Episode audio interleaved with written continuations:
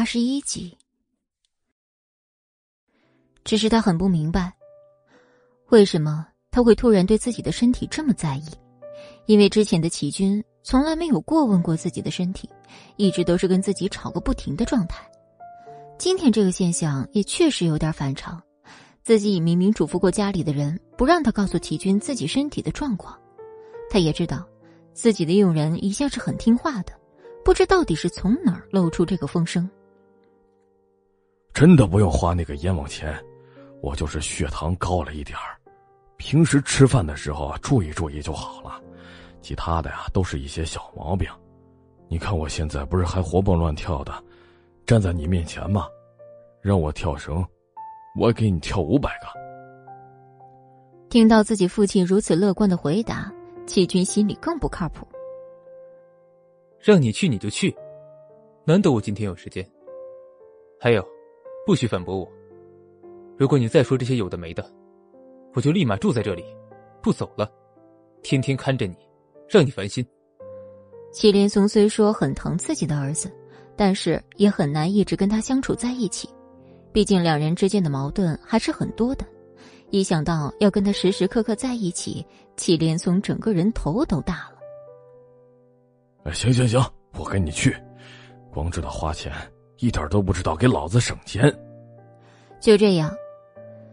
祁连松被祁军带到了医院，什么检查都给他做了一遍，也发现了一些以前并没有注意到的问题，比如说他一直都不知道，其实祁连松是有糖尿病的，只是比较轻微而已。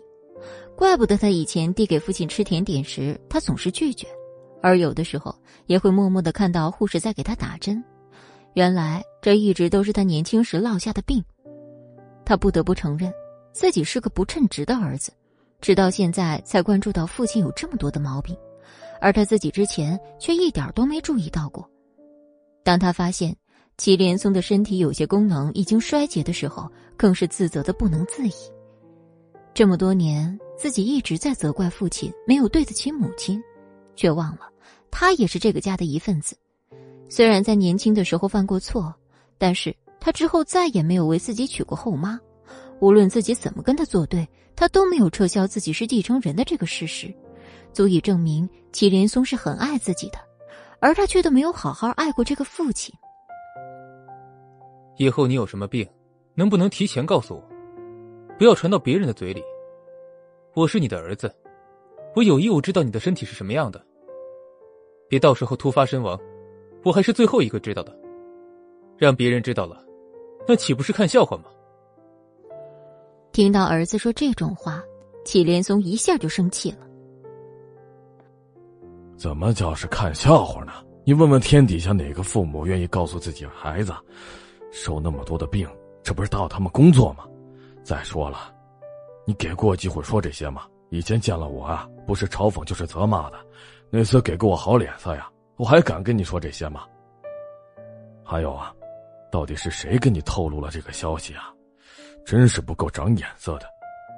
眼下你多忙啊，都快要跟薇薇安结婚了，又过来管我干什么呀？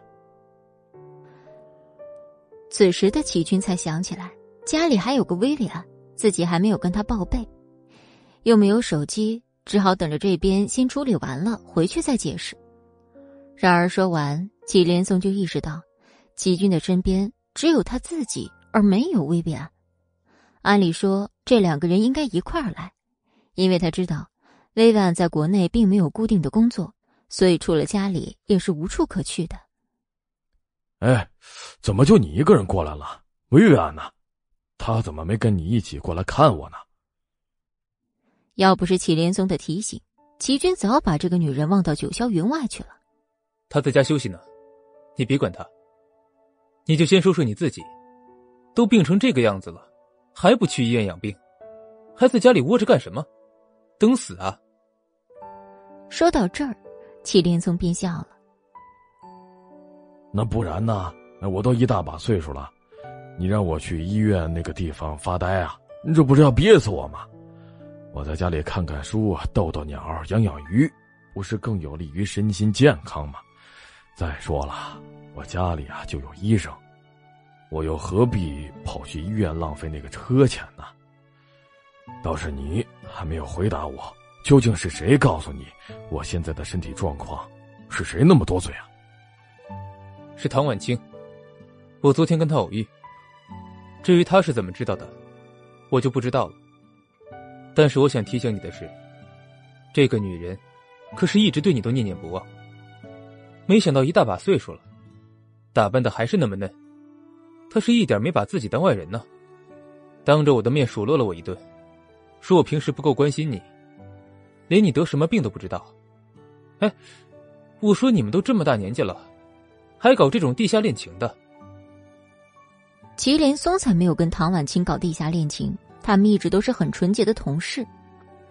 年轻的时候，祁连松忙于工作，所以忽略了祁军的妈妈。平时说话最多的人也就是唐婉清了。然而他早就知道唐婉清对自己有非分之想，但是为了不捅破那张窗户纸，就一直都是互相安慰、互相鼓励的关系。没有想到，有一天自己能睡到他的床上，而且正好被齐军跟他的前妻碰见，这才导致他的前妻心灰意冷跳了楼。但是他从来没有对不起过他的前妻，也从来没有出轨过。只能说，在他最能陪伴妻子的时候，没有好好陪伴她，而是把一切都奉献给了自己的工作。祁连松之所以有现在的成绩，也是跟他年轻时的打拼分不开的。但这些齐军并不知道，他眼里的父亲就一直是一个管理挣钱的人，也从来没有珍惜过他父亲为他打下来的江山。要知道，这些江山可以让齐军少奋斗四十年。薇薇安在家里忙活婚礼的事情，你不用管她。我只是想跟你说清楚的是，以后有什么事情，一定要第一时间跟我说。就算是你生病了，住院，也要跟我报备一声再去，否则我就会二十四小时派人盯着你。一有什么风吹草动，我都会过来。八十二集。你突然这么认真干什么呀？我又不是立马会死掉，只是现在身体不好了而已。再说了，人老了，不都有意思了？我们应该正视这件事情，而不是把它看得很严重。齐军没有想到，他的老父亲心态居然这么好，一点都没有悲伤的意思，他还挺欣慰的。但是可能是年纪大了的原因，他也越发的觉得。人活着不容易，以前的事情一件件事儿坏了，他现在就想让自己身边的人都留在自己身边，不要有那么多的波折。看见祁连松这么说，祁军也不得不想出一个办法来刺激他，说：“你还想不想抱孙子了？还想不想参加我的婚礼了？如果想的话，就给我好好养病，按时吃药，按时打针。如果你不想，”那你就这么糟蹋你自己吧。听到齐军终于想要生孩子了，祁连松就像吃了蜜糖一样，整个人都变得开心起来。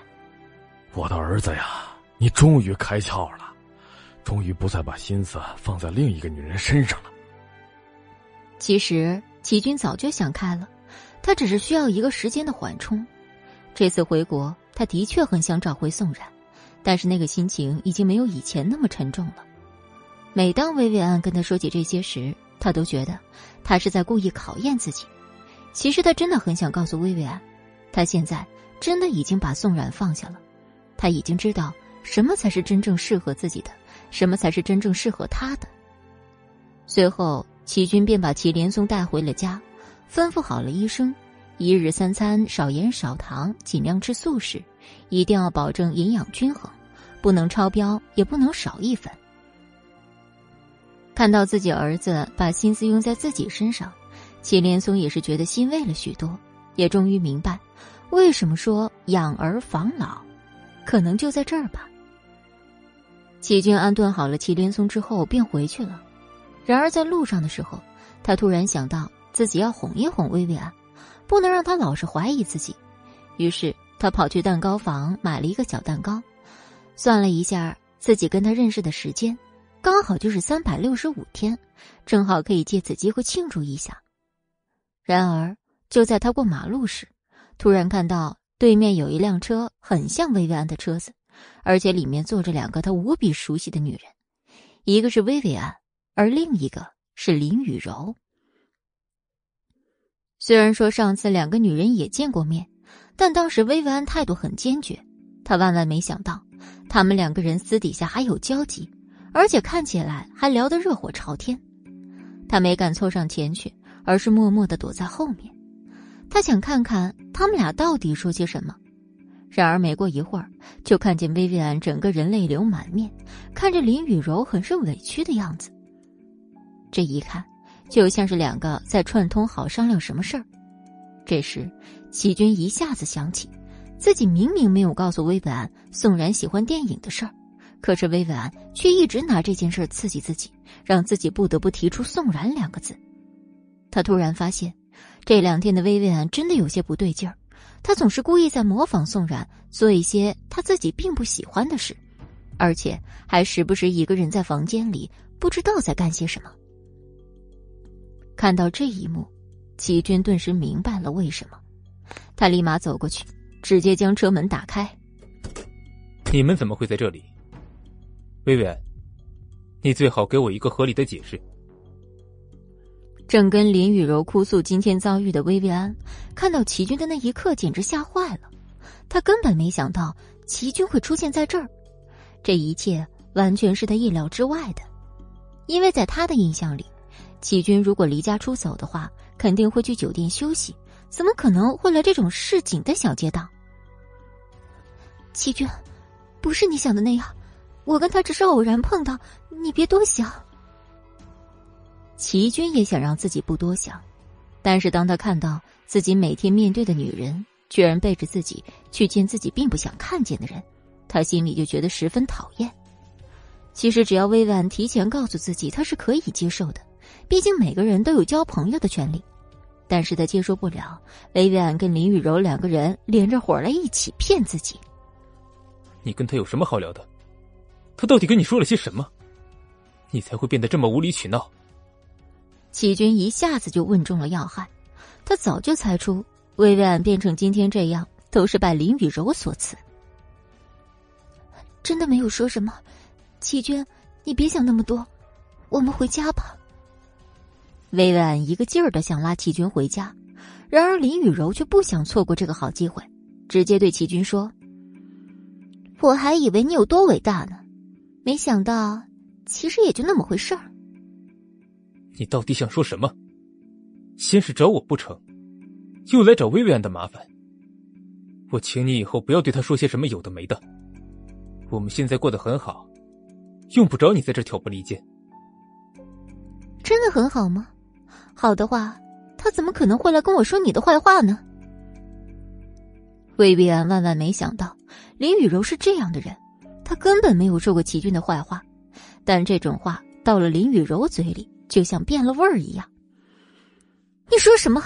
我什么时候说过齐军的坏话？你不要颠倒是非好吗？你别不承认啊！不是你说的，齐军心里没有你，只有宋冉吗？还有。你想让我帮你除掉宋冉，好让你们之间的关系更加稳固，不是吗？林雨柔早就料到魏远是个不靠谱的人，想要指望他挑拨成齐军，那得等到下辈子，所以必须要自己亲自出马，才能达到自己的终极目的。现在已经实现不了双赢了，林雨柔也只能先把自己的事情处理好。看着林雨柔最富阴险的嘴脸，魏安只恨自己心眼太实。根本没有料到他居然会反将自己一军，明明自己帮了他那么多，林雨柔却恩将仇报，这一点就是丧心病狂。他更是发誓以后绝对不会再轻易相信别人说的话。这一次的林雨柔，他算是彻彻底底的记住了。若不是他，自己也不会栽这么大的跟斗。三集。林雨柔，我到底哪点对不起你？你要这么诬赖我，你就不怕遭天谴吗？薇薇安很是不屑的看着林雨柔，他这辈子犯过最大的错误就是相信林雨柔这个小人。到底是谁撒谎？我觉得齐军应该能听得出来吧，毕竟他也是看过风雨的人。应该也知道，女人的嫉妒心是这世界上最重的。你永远不要指望着一个女人能够对她的情敌心慈手软。林雨柔说这话时，更是咬牙切齿，他的神情表现的淋漓尽致，就连薇婉都差点被他带入的环境给沉沦下来了。林雨柔，你如果再血口喷人的话，你信不信我现在就把你的嘴撕了？我说到做到。薇薇安此时已经被林雨柔的无理取闹给弄得不知该说什么才好，只是现在觉得自己真是百口莫辩，就算是在齐军面前也毫无优势可言，因为他知道，现在的齐军已经把他当做是林雨柔口中的人了。此时，齐军慢慢走到薇薇安的面前。轻轻用手托着他的脸，说道：“他说的都是真的吗？你当真想把宋冉害死不成？”面对这个问题，魏巍安真的是一时语塞，百口莫辩。因为真的有那么一瞬间，他是希望宋冉死掉的，所以在这个问题上，他也不知该怎么回答齐军，他也只能以沉默来表示自己想说的话。而看着一直闭口不言的齐军，心里也像是一团乱麻一样。他不相信，自己这么愿意去爱的女人，今天竟变成这副丑陋的模样。他看着薇薇安说：“你怎么变得跟其他人一样了呢？你不是最了解我的人吗？你应该知道，宋冉他不能死。他要是死了，我更没有在这个世界上活下去的希望了。”你明明知道我的底线，为什么又要触及？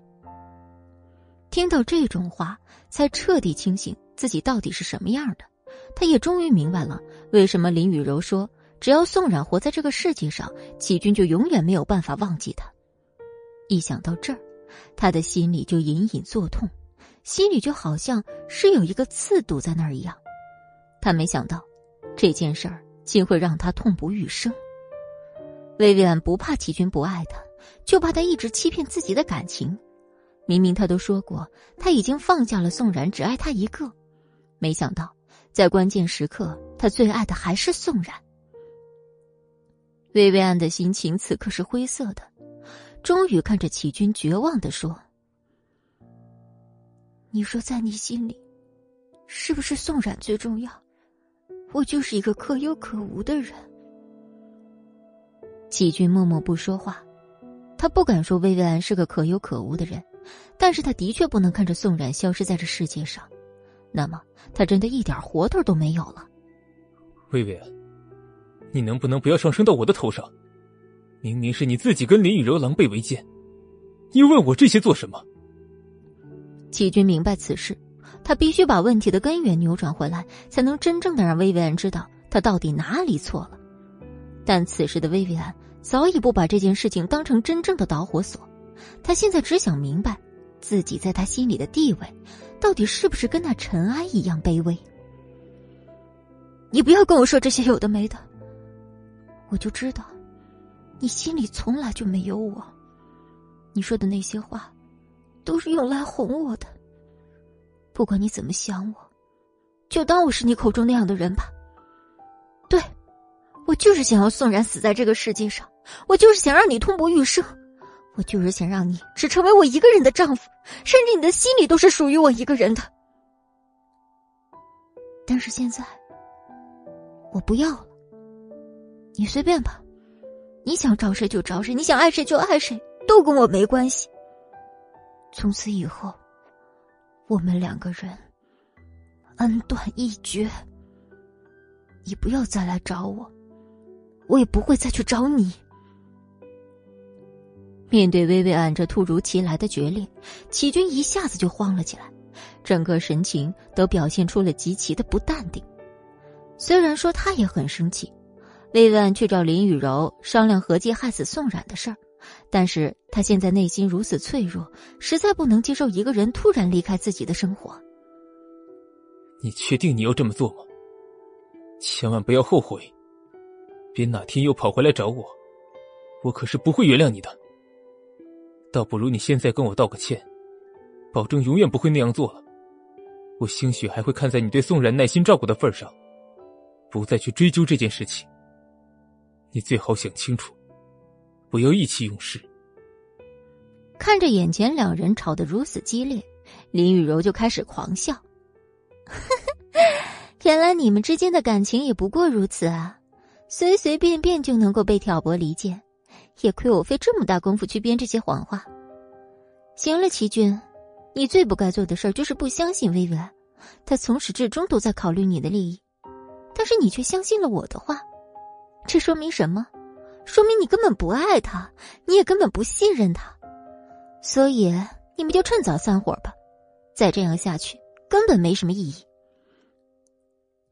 听到林雨柔说这些话，季军才意识到自己误会了薇薇安，没想到自己居然能够轻而易举的被林雨柔的两三句话而挑拨。季军此时恨透了自己，但是这些狠话自己已经发了出去，也彻彻底底伤了薇薇安的心，他也不知该如何去解释。此时的薇薇安已经心灰意冷，他也不指望齐军能够对他做些什么挽回的事儿，他只希望。自己能一个人安安静静的回到西雅图，过上自己安静的生活，不再气为齐军那点破事儿而烦心什么结婚什么爱情，他觉得这些跟自己通通没关系了。然而就在薇薇安准备离开时，齐军突然拉住他的手说：“真的要走吗？你就不再考虑考虑吗？我知道我没有相信你，但是你也要理解我，我们认识时间也不久。”而且很多事情我都不了解，我真的没有办法把所有的信任都交付于你。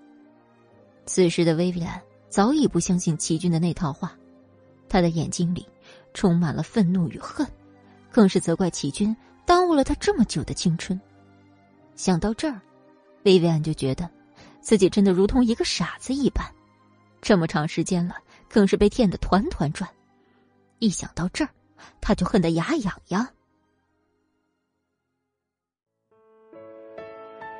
百八十四集，薇薇安已经不想再去听齐军解释什么，说什么对他来讲已经没有作用了。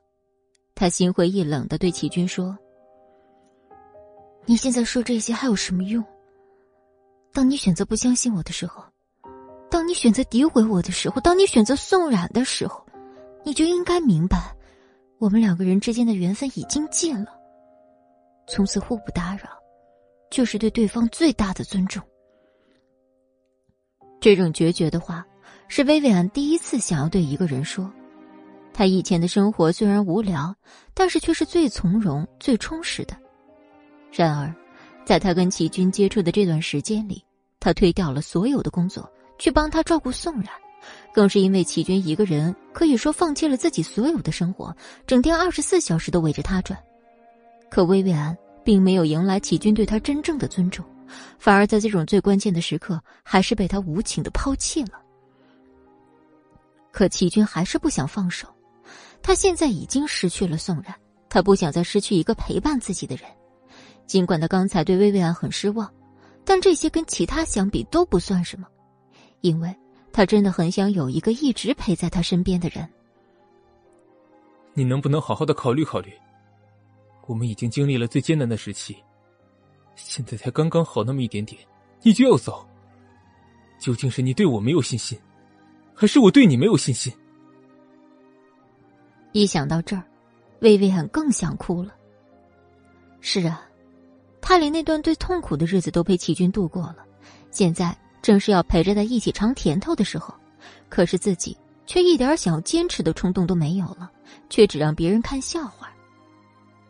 林雨柔站在一边，就像是看戏一样，看着这两个人在那儿演一场苦情戏。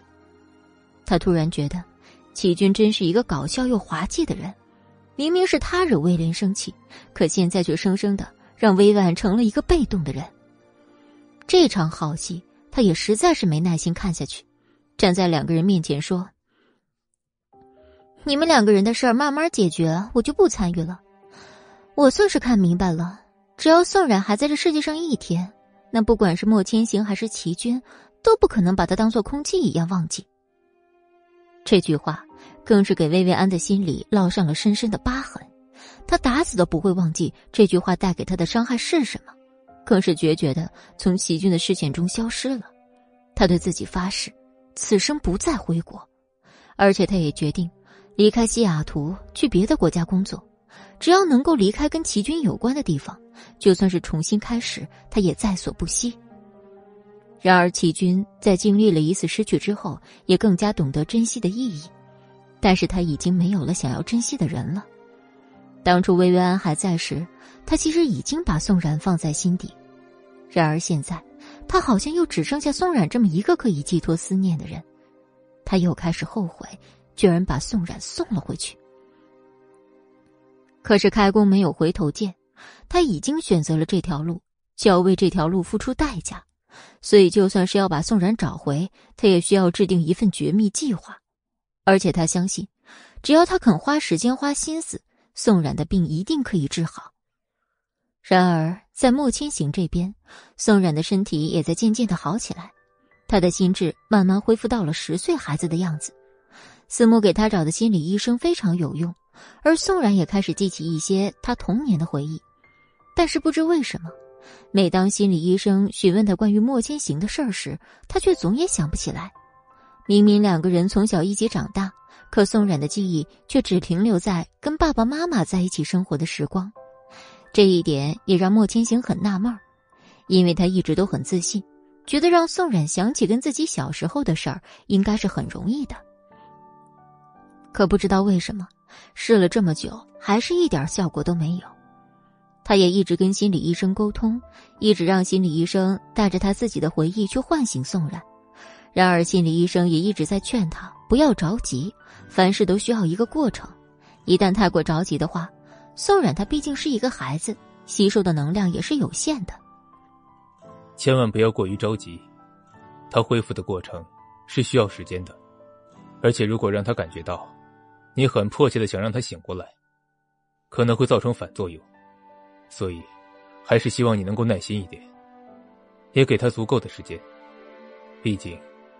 我觉得他之所以不愿意醒来，还是觉得之前的回忆太痛苦，或者是他自己的内心觉得还没有休息够，才会有这样的一个结果的。莫千行又何尝不知道？但是他已经等了宋冉半年了，这半年里，他每一天都在思念着，原来那个活泼可爱、聪明伶俐的宋冉。虽然现在的他过得很从容、很随和，没有了之前那样的烦恼。但是同样的，宋冉也失去了很多能力，这一点也是莫千行觉得最可惜的。他希望宋冉变成以前那个干练的女人，无论遇到什么情况都能够应付自如，而不是像现在一样只能躲在他的怀抱里。他知道什么样的成长才是对宋冉最合适也是最好的，所以他也必须要竭尽全力。哪怕是给了对方压力，他也要尽自己最大的努力，让宋冉变成以前的样子。不要去想着给他时间，他已经休息的够久了，足足半年。你觉得他的时光还不够快乐吗？我现在就希望，你尽快的让他变成以前的样子。我看这段时间他的心智已经慢慢恢复到了十岁了，我觉得再过不久，他就可能会恢复到二十岁，所以也希望你多费费心，让他能够尽快的成长起来。你放心。钱这方面，你想要多少，我都会满足你的。心理医生才不是在乎钱，他只是在乎他的病人是否能够真正接受这一切。他更很生气的对莫千行说：“如果你真觉得我们是为了钱才接你这一单，那你真的是大错特错了。我们真的是希望病人能够健康的恢复。如果按照你这么说的话，病人的恢复不但不会变好。”反而只会让病情更糟糕。这些话并不是危言耸听，都是心理医生的心里话。不急。莫千行当然知道心理医生是什么意思，他也知道自己说的话有些不合适，但是毕竟心理医生不是他，没有跟宋冉产生过任何感情，也根本不会理会他现在的心情有多么的复杂。他也逐渐的意识到。之前的他就是因为太过佛系，所以才会让宋冉的病情一而再、再而三的耽搁。一想到这儿，莫千行就觉得自己并不是真正的为宋冉好。此时，宋冉也过来跟莫千行汇报工作，同时他也为莫千行找来全国最权威的医生。这段时间，莫千行虽说上半身已经恢复了正常的行动，然而他的下半身却依然没有知觉，这也是让思慕觉得很奇怪的地方。所以，他也从全国找来了医生为他诊治。同时，思慕也想转移一下莫千行的注意力，不想让他一直都在为宋冉的事情变得越来越不像自己，因为他发现莫千行现在会非常焦虑。只要宋冉没有好转，他就会整夜整夜不睡觉去查各种资料。好像是因为时间太久的原因，他对宋冉的要求也变得越来越高。刚开始时，他并没有很高的期望对宋冉，但是现在随着宋冉身体逐渐好转，他也不再像以前那般佛系，反而慢慢开始对宋冉有了高要求，同时也给自己很大的压力。虽然说。思慕也很想让宋冉赶快好起来，毕竟医生也是他找的，但是他也不想看到本来身体不怎么好的莫千行，再因为宋冉又恢复到以前那种样子，所以他现在是宋冉跟莫千行的身体两头抓着看。千行，你也不要成天想着宋冉身体有没有好转，也应该顾及顾及自己了。前几天医生跟我说，你好几天都没有好好睡觉，没有好好吃饭。你看你这身子骨能受得了吗？莫千行根本没有理会思慕的话，还是自顾自的在查宋冉的资料。这个时候，思慕终于看不下去了，直接把他的电脑关闭。如果你自己的身体都照顾不好的话，你又怎么会照顾好宋冉呢？我给你找来了一个医生，他是专门治疗神经性的疾病。只要你好好配合，好好复健，我相信你的腿马上就能够恢复的。看到自己查了一半的资料就这样突然消失，莫千行的心里已经燃起了怒火。谁让你关我电脑的？我自己的身体怎么样，我自己清楚，不用你操心。我现在就想让宋然赶快好起来，不要整天这么疯疯癫癫下去，不然我只会更难过，你知道吗？思慕何尝不知道此时莫千行的心里有多么的纠结。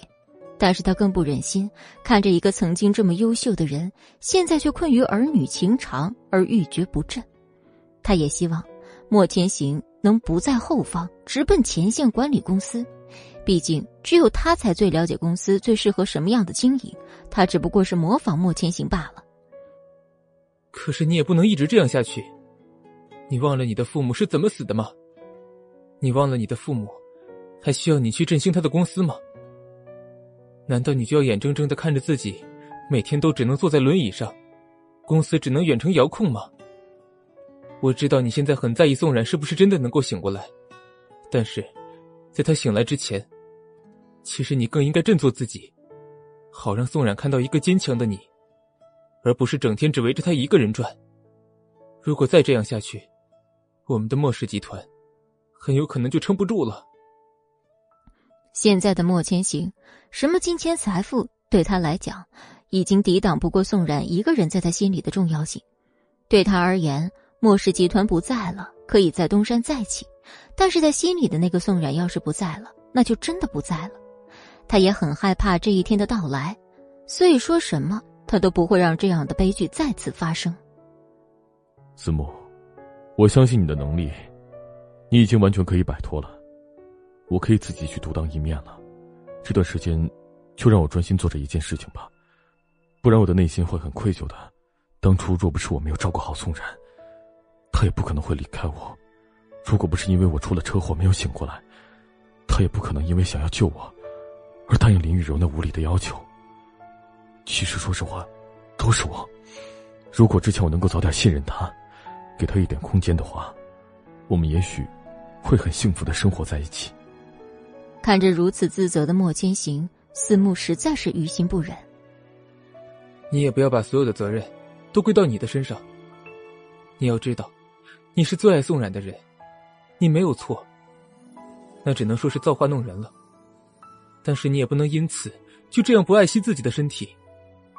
我相信宋冉真正好起来的时候，如果知道你为了他做这些事情，他一定会很难过的，因为他用他的自由。来换回了你的健康。如果又因为他，让你变成原来的样子，你觉得他会开心吗？思慕又拿起自己提前准备的饭菜，端到莫千行旁边。这是我让厨房刚给你做的，赶快吃下。只有填饱了肚子，才能够继续查有关资料。只有让自己的身体好起来，你才有力气再给宋冉一个家，对不对？看着思慕如此用心的劝自己，莫千行也不忍心再辜负他的好意，将桌上的那份餐盒吃完。他也确实好几天没有吃东西了，身体也开始有些吃不消，还没有工作，一会儿就觉得浑身疲惫，就连医生也觉得他的身体大不如前。看着每个人都在为他跟宋冉的未来考虑，莫千行也渐渐有了信心。虽然说不再像以前那般激进，但是他现在也已经会合理的利用时间，也慢慢的调整好自己的心态，去努力的让自己变得更好。也让宋冉慢慢的接受治疗，不再图快，而是以一种健康的方式让宋冉逐渐恢复健康。看着莫千行终于听自己的劝，思慕也觉得自己所做的一切都是值得的。他看着这对苦命鸳鸯如此被上天折腾，自己也是于心不忍，能多做一点是一点，也不枉费平时莫千行对他的照顾。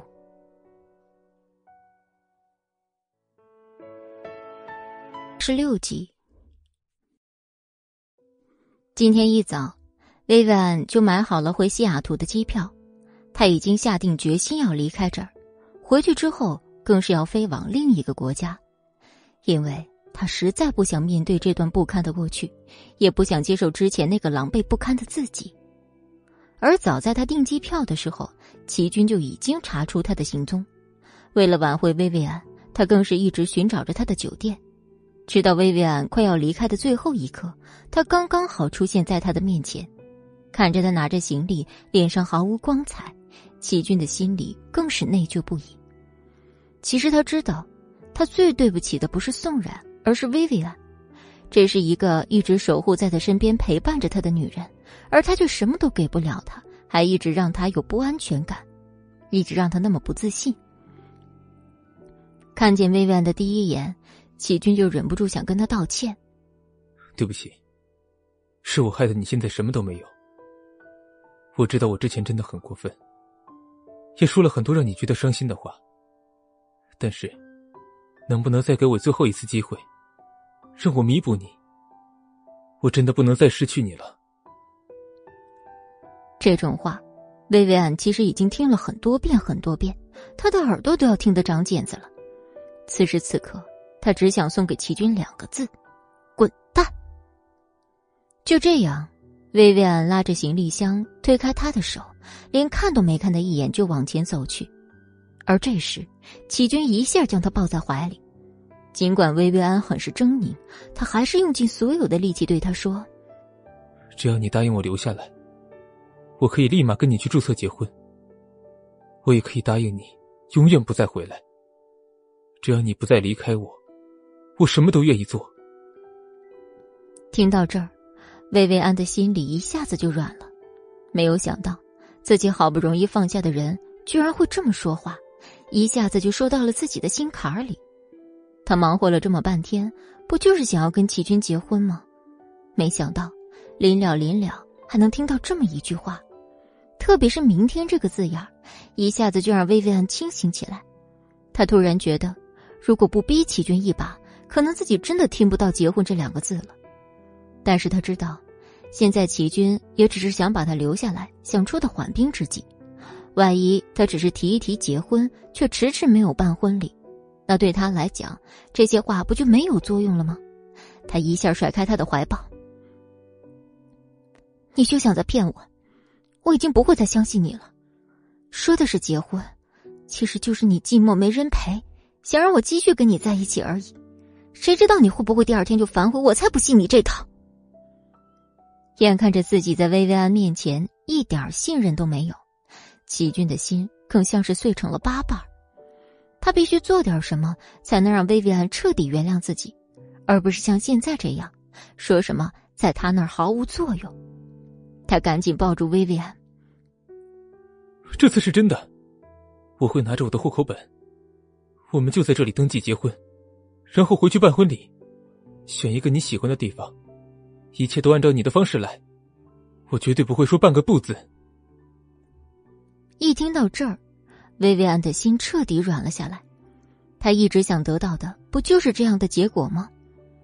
没想到会以这样的方式听到，也是个奇迹。但就有在那么三十秒的时间里，他好像想到了自己当初跟齐军相遇的场景，自己对他更是一见钟情。坚持了这么多年，等了这么多年的男人，他也不想就这么白白送给别的女人。如果他真能全心全意的爱自己，回到一个谁也不认识他们的国家，好好开始他们的新生活，想来也未尝不可。在那一刻，他动心了。他觉得，如果自己真的能再原谅齐军一次，也许他们会过上很幸福美好的生活。看着齐军第一次这么卑微的求自己，薇薇安也是于心不忍。他打算再给齐军最后一次机会。如果他再有背叛自己的行为，那么他二话不说就直接从他的世界消失。好，那我再相信你一次。如果再有下次，我敢保证，我绝对不会再跟你纠缠在一起。如果我们之间还是没有结婚的话，我觉得也没有再继续的必要了。薇薇安给齐军下了最后通牒，也是给他自己一个机会。虽然是非常尖酸刻薄的话。但齐军知道，薇薇安能原谅自己已经很不容易了，所以在语气上肯定会稍微严肃一点。他也能理解，他一下把他抱在怀里。你放心，我绝对不会食言的。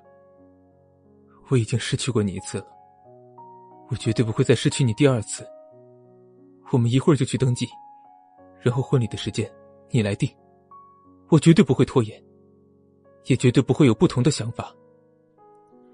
看着齐军对自己如此用心，薇薇安的心瞬间从一块寒冰融化成了热水。他觉得自己这么长时间付出的心血总算没有白费，这样的结局也算是给他们两个画上一个圆满的句号吧。两人温存了好一会儿，这才手牵手去了民政局，直接把结婚证给领了。当那红彤彤的本本放在手里时，薇薇安觉得心里都是热的。他终于等来了这一天，终于等来了他跟齐军有正式关系的一天。为了这一天，他等了太久太久，没有想到，真正来临时却是这样。突然也让他觉得，婚姻其实就是一瞬间的事儿，考虑的越久，其实越不靠谱。如果真的下定决心去结婚，那也是真的想要跟某人在一起生活。在那一刻。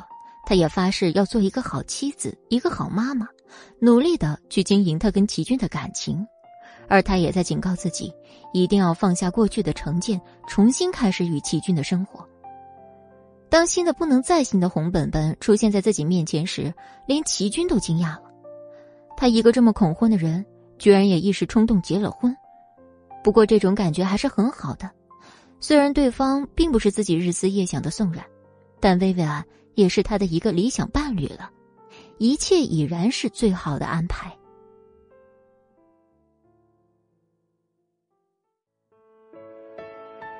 积极，在齐军的心里，理想伴侣其实是有好多种心理形象的，但是能像薇薇安这样如此善解人意又了解自己的人，也就他一个了。宋然也只能算得上是梦中情人。但是要说结婚伴侣，他不得不说薇薇安是最合适的人选。但是，在他选择与薇薇安结婚的那一刻起，就等于放弃了跟宋冉在一起的机会。但是他也知道，这是对他来讲最好的结局。也许这个结婚证就是给薇薇安一个肯定，也能给他足够的安全感。但是在齐军心里，那也是他跟宋冉一刀两断的保证。现在的他们就剩下安心准备婚礼的事儿，而另一边的莫千行同样也在为宋冉能够快点醒来做着很多工作。他每天也要吃很多药，做很多的复健，但就算这样，他还是会每天跟心理医生沟通宋冉的情况，哪怕是一点点小小的进步，他都会觉得很欣慰，就会觉得自己的努力没有白费。而宋冉也很争气，每天都比昨天有着小小的努力跟进步。多说一个字，多学一点知识，对于他来讲都是极好的事情。就在今天，宋冉得到了心理医生的夸奖。为了奖励他这两天好好表现，心理医生决定带他去外面郊游一圈。为了让莫千行放心，他还特意带上了思慕，让他陪同。因为这两天莫千行的复健非常关键，所以一点都不能耽搁，只好让思慕陪同了。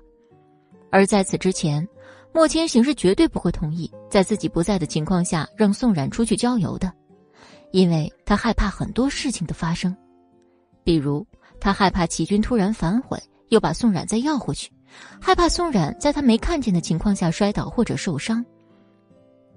总而言之，他担心的事情实在是太多了，所以才会派自己最得力的助手思慕去陪同。而知道要出去郊游的宋冉，更是像撒了欢一样在院子里跑来跑去。而就在他快要上车时，突然间被脚下一块石头给绊住，整个人都倒在地上。而刚巧不巧的是，他摔倒的地方正好有一块假山，他的头部被撞得鲜血直流。看到这一幕的心理医生吓坏了，赶紧叫医生过来帮忙把他扶起，立马送到了医护室。护士没有想到宋冉直接晕了过去，全程都是别人背过去的。而就在医生给他擦拭伤口时，也觉得很纳闷因为其实伤口并不深，只是擦破而已。可是宋冉却晕倒了，他们只能解释没有见过这阵仗下的。而就算这样，他们却怎么都没有办法将他唤醒。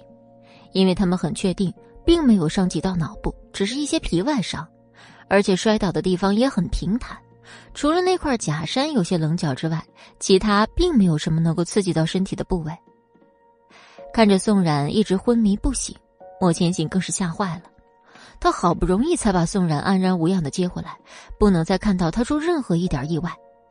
二话没说，他就将人送到了医院。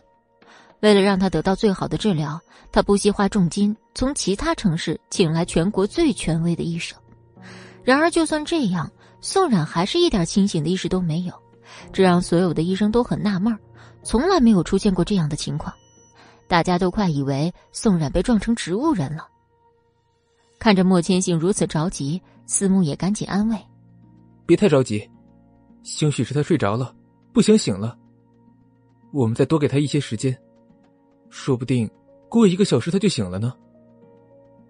此时的莫千行根本听不得玩笑话，立马拍起了桌子。你看他那样子像是睡着的样子吗？思慕不敢说话了，生怕自己在触动莫千行的神经。而就在这时，宋然的手突然开始动了，紧接着他的眼球也开始转动，眼睛也慢慢的睁起。看见他慢慢苏醒，莫千行真的要感谢上苍了。然然，你终于醒过来了。你知不知道，你摔下来的那一刻，可把我吓坏了。以后可不许乱跑了，知道吗？然而宋冉并没有按照莫千行想要的方式回答他，他开始四处张望周围的一切，一脸懵逼的说：“我怎么会在这儿？我不是应该跟齐军在一起吗？”听到这儿时，莫千行已经彻底懵了。他不懂此时的宋冉是什么意思，明明他已经成了三岁的智商，又怎么会说出如此话来？然然，你是不是睡糊涂了？这里没有齐军，这里有我啊！难道你都忘了吗？这段时间一直都是我在照顾你，是我把你从他那里接回来了呀。他本想着，以宋冉这种小孩的记忆，能够很快忘记齐军，没想到磕了一下又想起来。你说的是什么意思？我不太懂。此时，宋冉说话的语气也变成了大人模样。他好像这段时间睡了很久，发生什么完全不记得，只知道自己发了一次很严重的烧，在醒来时就在莫千行这儿。此时，莫千行还没反应过来，而思慕这个旁观者却已经看出宋冉现在已经恢复了大人的意识。他立马开心的拍着莫千行的肩膀说。你个傻子，让人醒过来了你都看不出来吗？他说话都变成大人的语气了。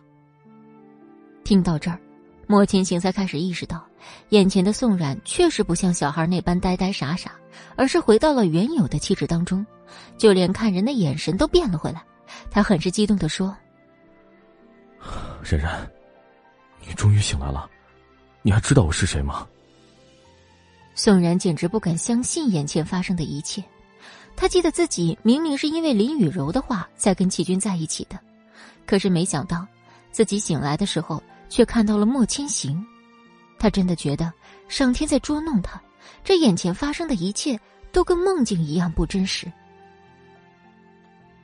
这到底是真的还是假的？我怎么总觉得我在做梦？千行，真的是你吗？我真的回到你身边了吗？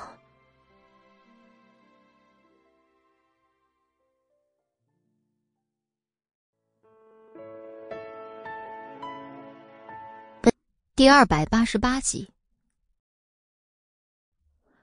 而被这一幕惊艳到的莫千行，更是一下子将宋冉抱在了身上，而他的腿因为没有办法活动的原因，只能靠在旁边的床上。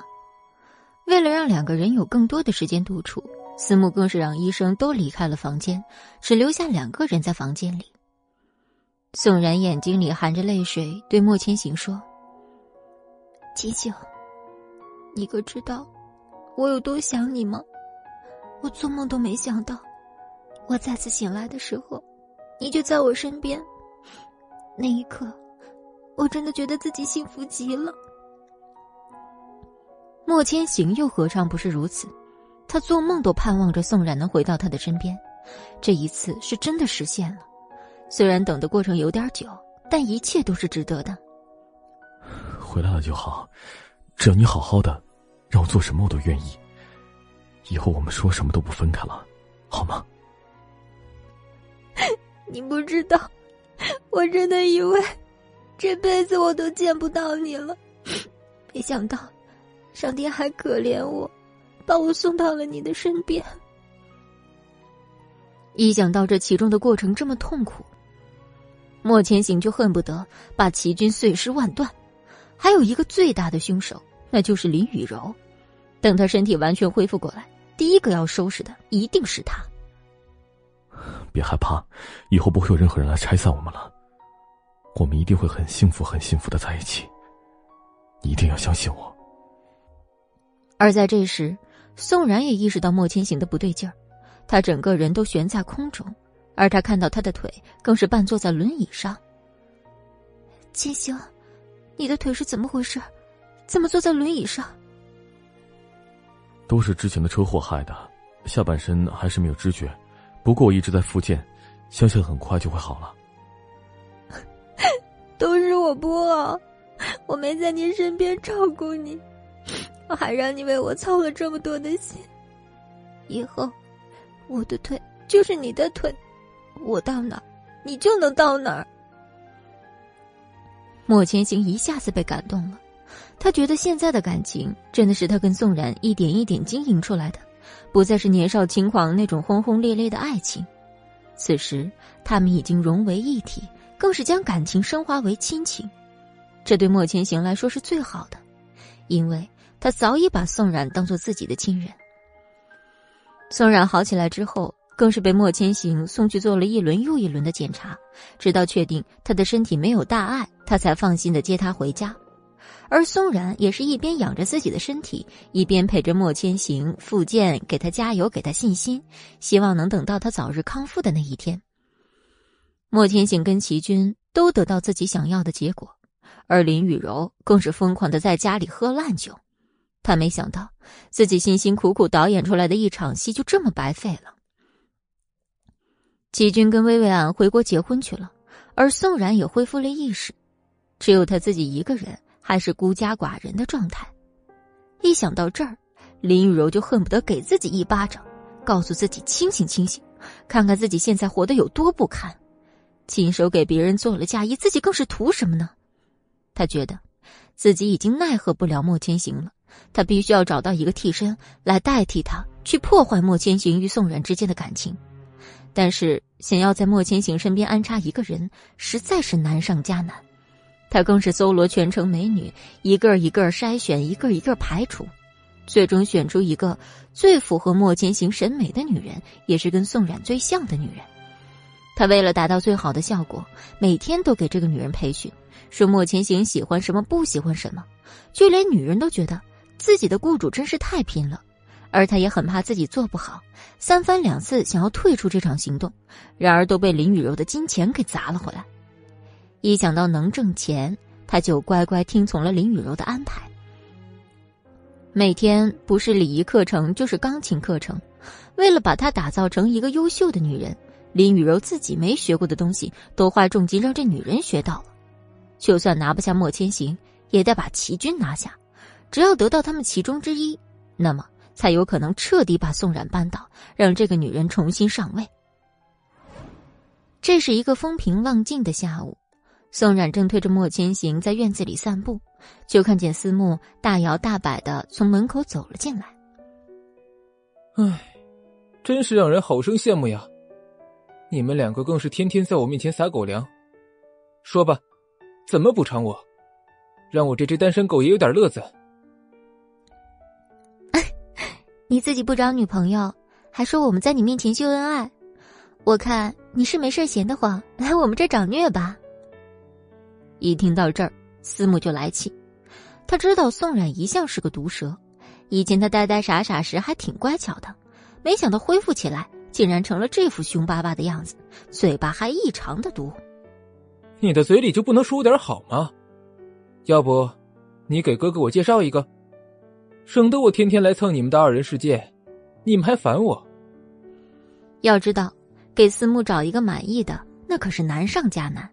他水性杨花，这么长时间以来也没有个定性，谁愿意把一个好朋友送给他呀？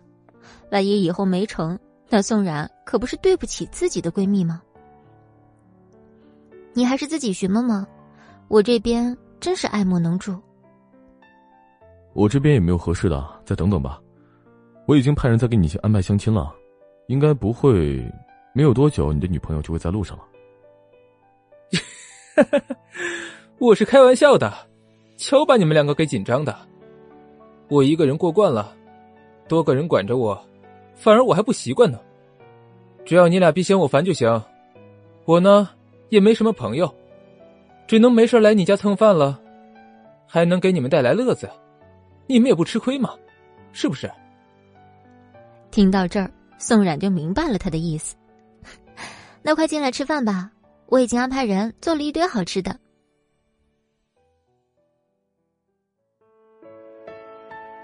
八十九集。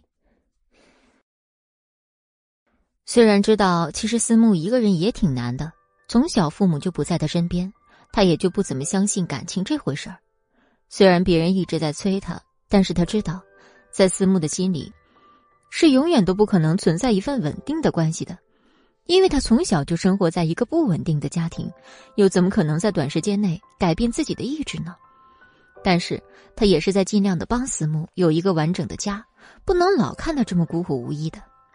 所以，他也在跟莫千行商量着怎么给思慕找一个合适的，但是奈何他们这段时间一直都很忙，所以就把这件事给耽搁了。思慕看见一大桌子美味佳肴，就兴趣盎然的说：“嗯，还是别人家的饭好吃。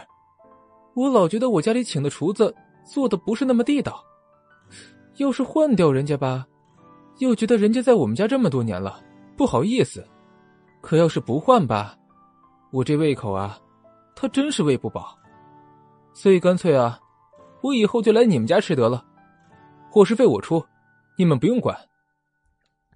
思慕就爱给他们开玩笑，其实莫千行跟宋冉都知道，他根本不是嫌他们家厨子做的饭不好吃，只是家里就他一个人，什么菜什么美味佳肴是不香的，因为没有人气儿的饭又怎么能好吃呢？吃饭这件事儿也必须要有家人陪同，不然真的一点意思都没有。哪用你掏什么伙食费啊？我们家还不缺这点钱，你呀，只要平时不给我们添乱就可以了。听到“我们家”三个字，思慕就莫名想笑，因为宋冉还没过门，就已经把莫千行当做自己的丈夫，更把这个家当成了自己的家。听到这儿，莫千行还没反应过来。思慕就已经提前替他高兴了。哟哟哟，这小媳妇真会为自己家着想啊！我都想要这么一个温柔贤惠的女人了，事事都在为自己的丈夫考虑前行。你说你眼光怎么那么好？我要是有你一半的眼光，也不至于单身到现在呀。莫千行一直都觉得自己眼光很好，从小就跟宋冉一起长大。虽然小的时候他并不是很喜欢他的性格，可是等他到了情窦初开的年纪，他就已经是宋冉为自己的亲人跟伴侣，并且发誓要一辈子保护他、照顾他。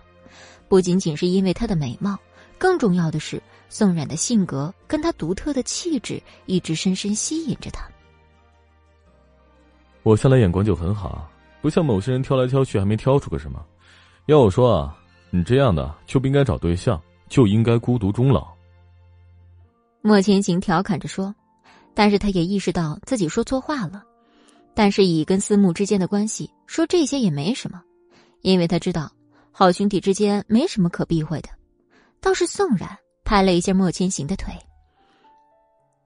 那壶不开提那壶，你怎么知道人家就会孤独终老？说不定人家明天就遇到真爱了，还会带回来给咱们见见。万事皆有可能，现在只不过是缘分没到罢了。哼，还是冉冉会说话。你放心，就凭冉冉这句话，我也会努力找到自己的真爱，并且努力有朝一日把他带到你们的身边，让你们见见。所以呢，你们就拭目以待吧。听到这话。莫千行跟宋冉真的很欣慰，能让一个对爱情视死如归的人说出这种话，也真的不容易。看到他慢慢的从小时候的伤痛中恢复过来，莫千行也是真的开心。他在这世界上剩下的亲人其实不多了，算一算，其实也就宋冉跟思慕两个人，所以他们其中一个没有好的归宿，他都会觉得自己没有完成任务。好在宋冉已经在他身边，他已经没什么可遗憾的。这是思慕的事儿，只要一天不解决，莫千行的心一刻都不会轻松下来。思慕这段时间一直在他们家里蹭饭，一来是解个闷儿，二来他也确实无处可去。就在今天，他要赶回忙公司事情时，一大早开车到公司，谁知车在半路却抛锚了。这种事儿还是第一次见，他无奈之下只好打车。但现在这个时间段刚好是高峰期，真的很难打到车。公交车他又不愿意，没办法，他只能在这等着。可等来等去都没看见一辆车肯为他停下。那一刻，思慕真的觉得自己帅爆了。可是又有什么办法呢？公司离得那么远，他也总不能走回去吧。然而就在这时，一辆保时捷开在他的面前。然而保时捷里面坐的不是男士。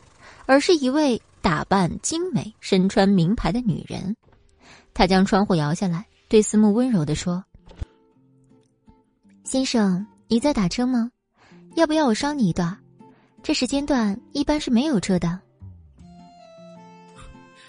谢谢啊，只是不知道你为什么突然想要载我呢？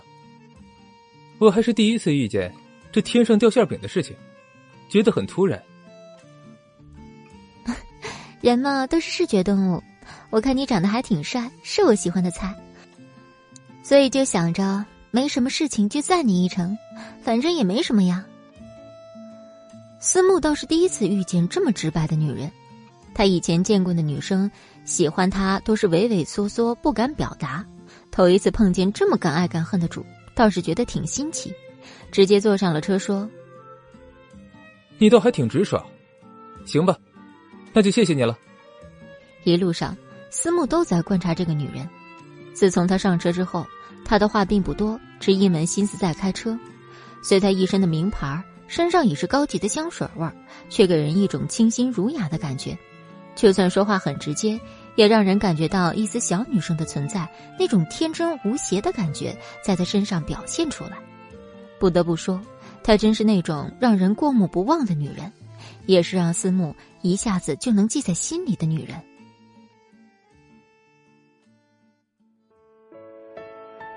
九十集，思慕第一次有了这种想了解一个女人的冲动。为了避免这段时间的尴尬，思慕也努力的开启话题。嗯，还不知道这位美女叫什么名字呢。这样拔刀相助，以后我肯定要请你吃饭的。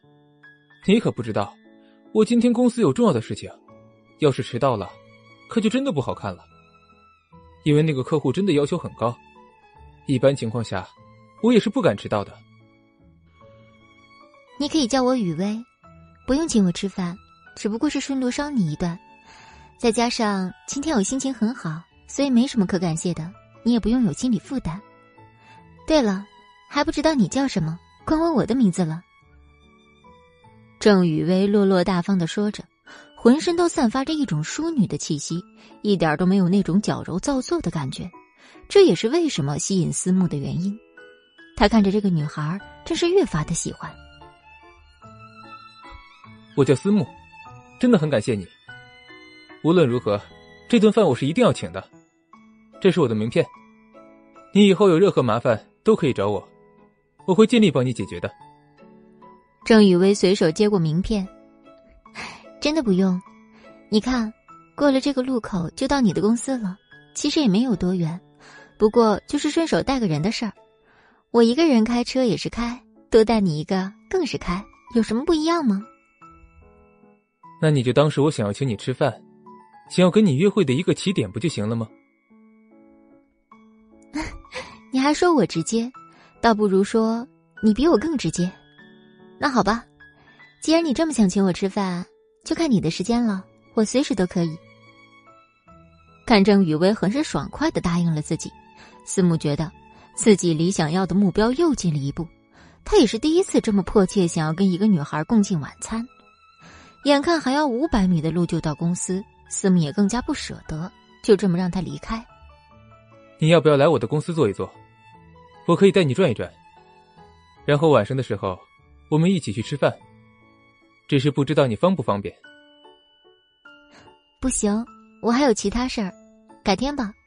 你先去公司，别因为我耽误了工作。无奈之下，思慕只好离开，而他自己也灰溜溜的去了公司。这是他第一次这么不想上班，想要跟一个女人深度了解下去。只是没想到事情就是这么不巧。要是放在平常，他早就跟这个女人出去玩了。但是今天他要约见一个重要的客户，如果不见的话，他们莫氏集团很可能会被有吞并掉的危险。所以为了公司的长远利益着想，他只能摆脱自己的个人感情。到公司之后，客户其实早就到了。看见思慕现在才来，迟到了四十分钟，大发雷霆。你们莫氏集团的人就是这么招待客人的吗？啊，生生让我在这里等了四十分钟，你可知道时间就是金钱？这四十分钟里，我可以挣多少钱呢？就这么被你浪费了。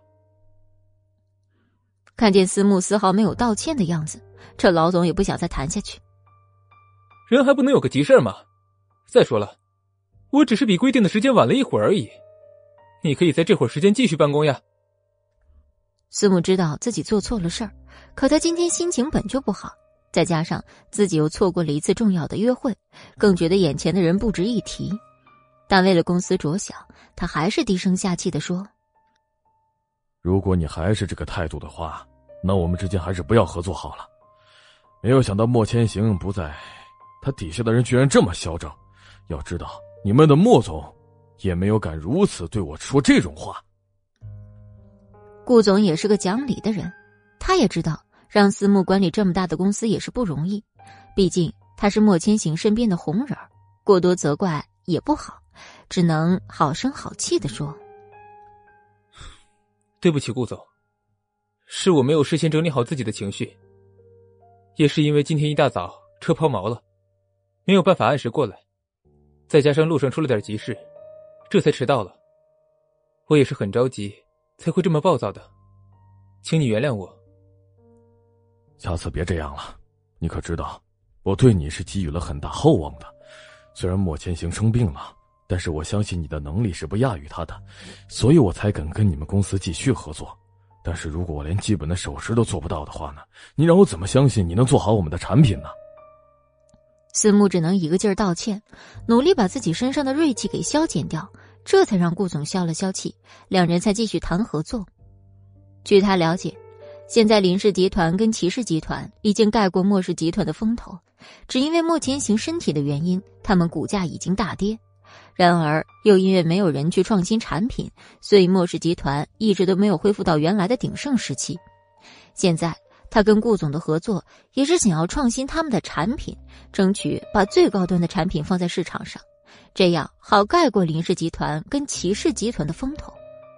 然而，这件事儿并没想象中那么容易。想要做好这件事儿，也需要时间跟人。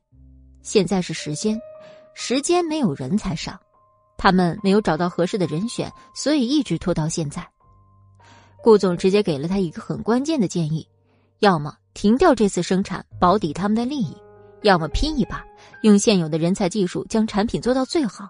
但是也可能遇到产品不是那么专业的风险，毕竟他们第一次尝试这种方式。但眼下他们不能看着莫氏集团就这么被林氏跟骑士打压掉，这样可能真的一点挽回的余地都没有了。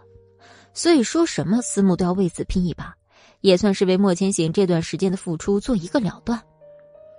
他是亲眼目睹莫千行在病床上还不停工作，跟助理讲工作的人。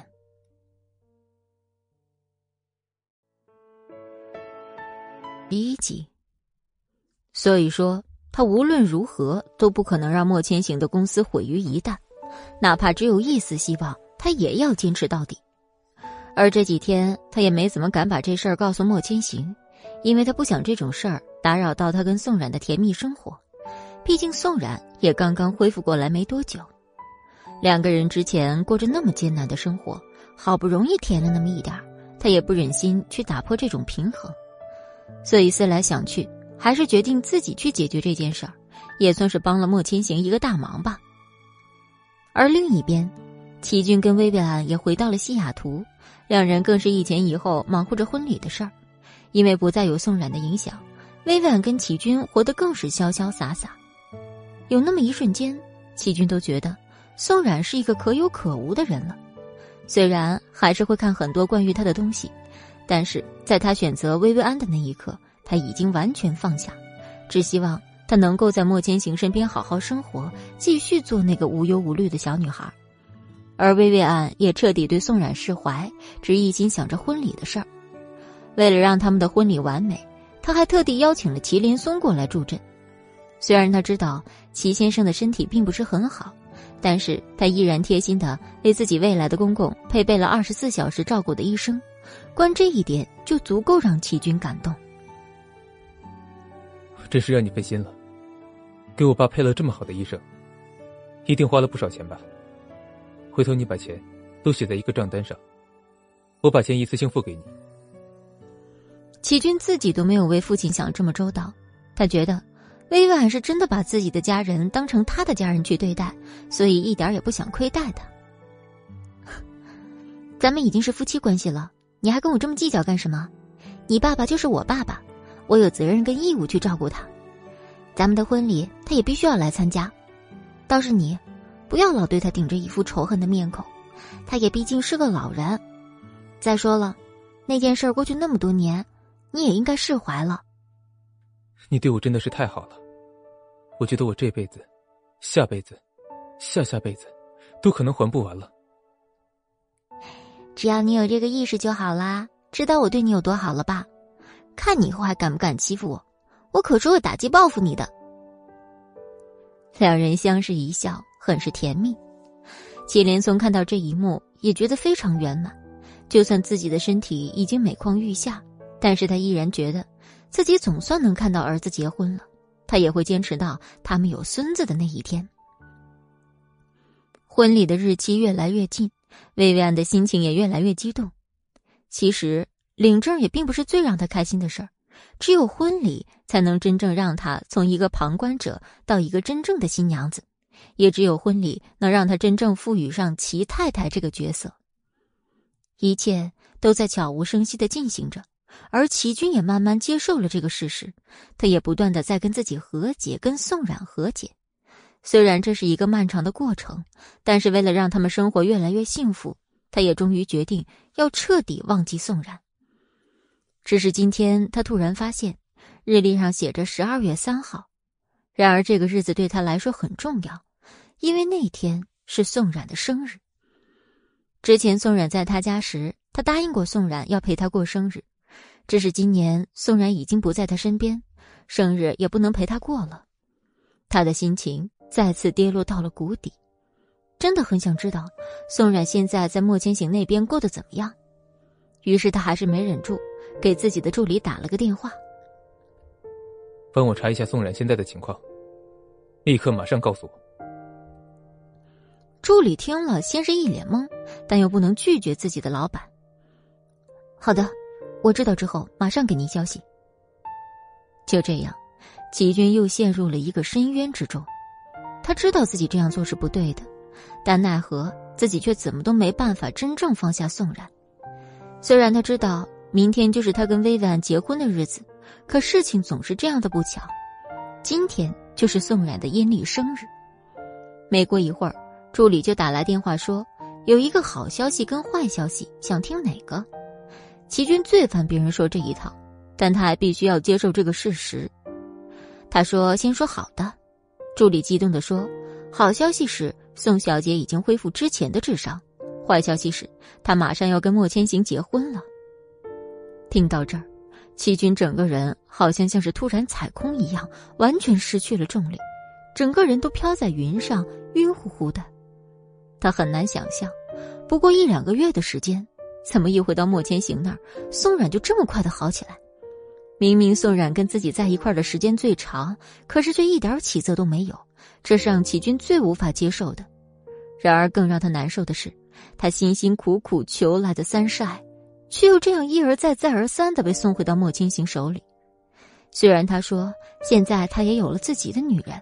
但是他还是不忍心将自己的挚爱就这么交给莫千行。有那么一刻，他很后悔自己没多留宋然几个月，也许他就可以恢复意识跟自己在一起。但是没想到，命运就是这么的捉弄人，让他跟宋冉之间完全失去了缘分。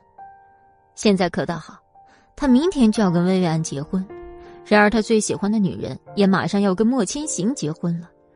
他开始怀疑自己的人生是不是真的出了差错？为什么会有这样的结局？明明自己真的很努力在经营感情，却一点结果都没有，反而别人轻而易举就能得到自己最想要的东西。现在他不是在跟莫千行较劲儿，而是在跟自己较劲儿。这么久了，那个心结也一直在他心上，一直都没有消失掉。每每想到这儿，他就会觉得。一切像是梦一样。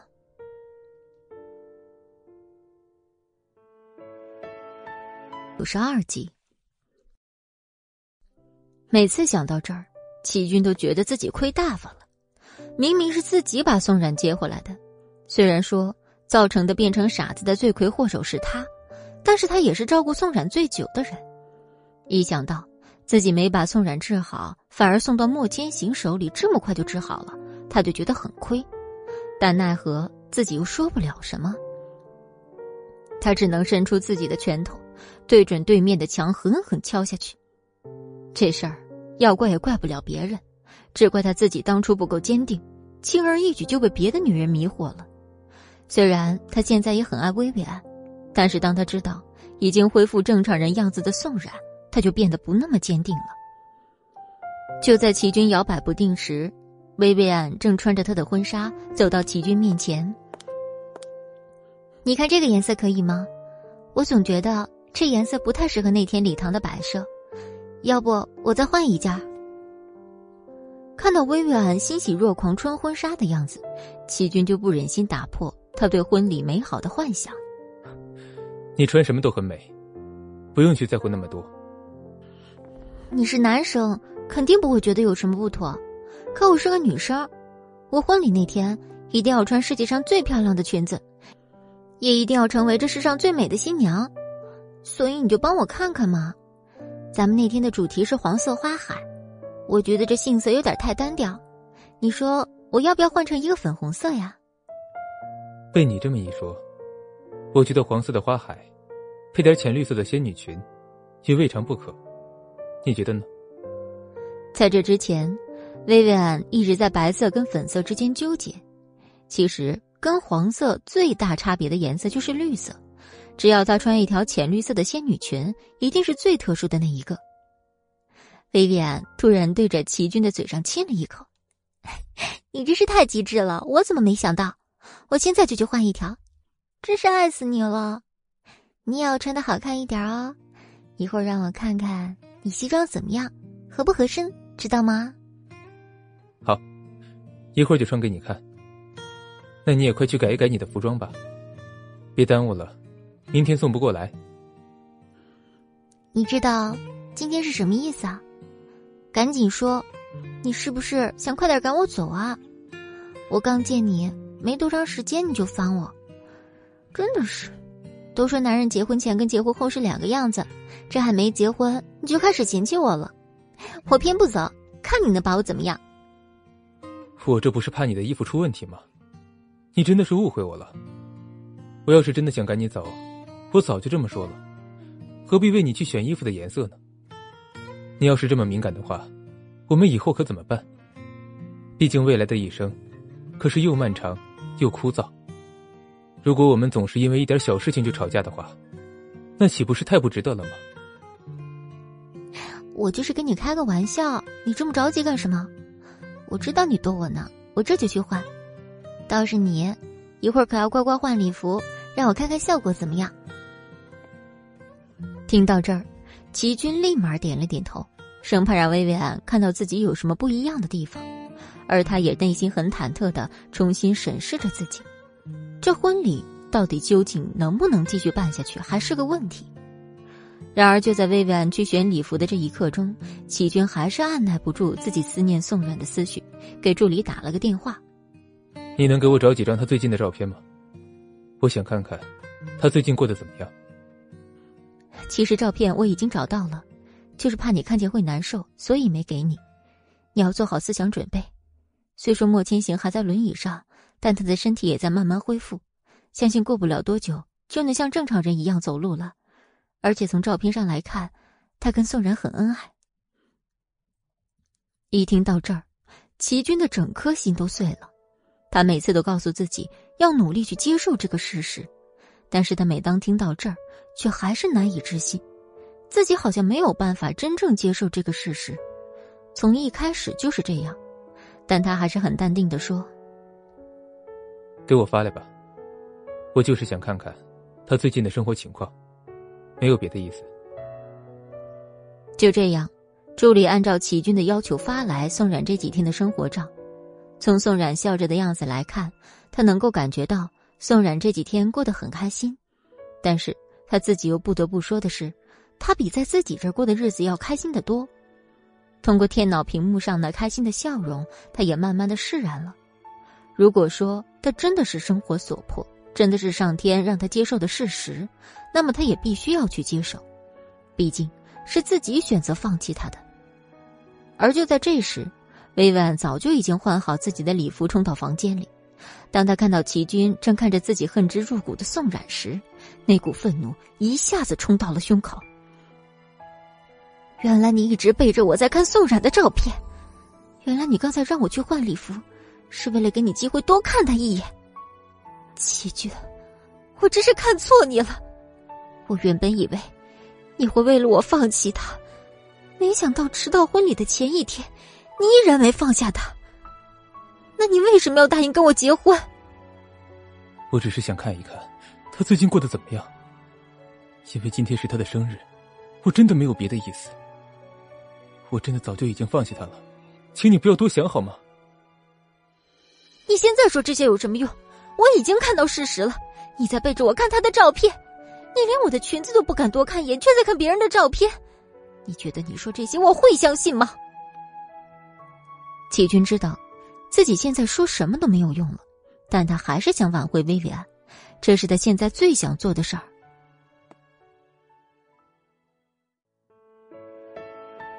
三集，他知道自己跟薇薇安有今天来之不易，也知道自己的举动真是伤害到了他，所以他也在极力的去弥补，对薇薇安说：“我真的没有别的意思，我就是想看看他过得怎么样。”我给你发誓，我真的已经放下他了。但是你要让我一点都不去想他，这真的是不可能的。而且恰好今天是他的生日，所以我才会去看他的照片。我已经答应过你，跟你好好生活，跟你结婚，我就一定会做到。你看，我不是现在还站在这里跟你说话吗？就说明我真的已经放下他了，我也不会再去找他了。薇薇安不知道自己该怎么样才能去相信他，因为在他的心里，启军不是那种言而无信的人。可是他的行动却一次又一次的打破他自己在心中的形象。每一次，他都在告诉自己，到底要不要再重新相信他。每当他犹豫不决时，他都会摸摸自己手上的戒指，再摸摸婚纱，告诉自己必须要做出一个决定来。但他真的不想放弃齐军。因为这是他日思夜想的婚礼，也是他梦寐都想嫁的男人。如果就真的是因为这一点小事就放弃，那么他真是得不偿失。好，那我就相信你所说的。希望你明天不要让我失望。这是你最后一次机会，在我面前证明你自己对我的爱。我不想出错，也不想让我心里对那份爱有任何杂质。齐军又何尝不知道自己的所作所为伤害了薇薇安多少次？他也发誓，无论如何，他都要跟薇薇安完美的举行这场婚礼。自己更是不能有任何的想法。宋然已经是莫千行的女人了，她也有了很好的归宿。从此以后，他跟宋冉就要分道扬镳，谁也不打扰谁。就在这时，薇薇安的助理拿来齐军的礼服，说：“小姐。”这是您给先生准备的敬酒礼服，我已经给您拿过来了，快让先生试一试吧。万一有不合适的地方，我再让设计师改。这助理来的时候正好缓解两人的尴尬，但是薇薇安却丝毫没有想看他穿礼服的心情，直接将礼服扔到齐军面前：“你自己试一试吧，有什么问题自己跟设计师说。我先回去休息了。”齐军知道。他生了宋冉的气，才会跟他说这些，他也是接受的，但是心里还是觉得有点对不住他，毕竟这件事儿因自己而起，但是他也找不到能够真正安慰薇薇安的方式，只能等待明天婚礼的进行。只要明天他们顺利完成婚礼，那么他就敢跟薇薇安保证，他可以恢复到原来的样子。为了保证薇薇安的安全，他一直陪在她的身边。虽然薇薇安一直不想跟他说话，但是他以自己的行动向他证明，心是向着他的。如果真的是想松软的话，也不可能一直哄到现在。你不要生气了好吗？明天是我们大喜的日子，如果你再生气的话，可就不是漂亮的新娘子了。我向你保证，我绝对绝对不会再去看宋冉了。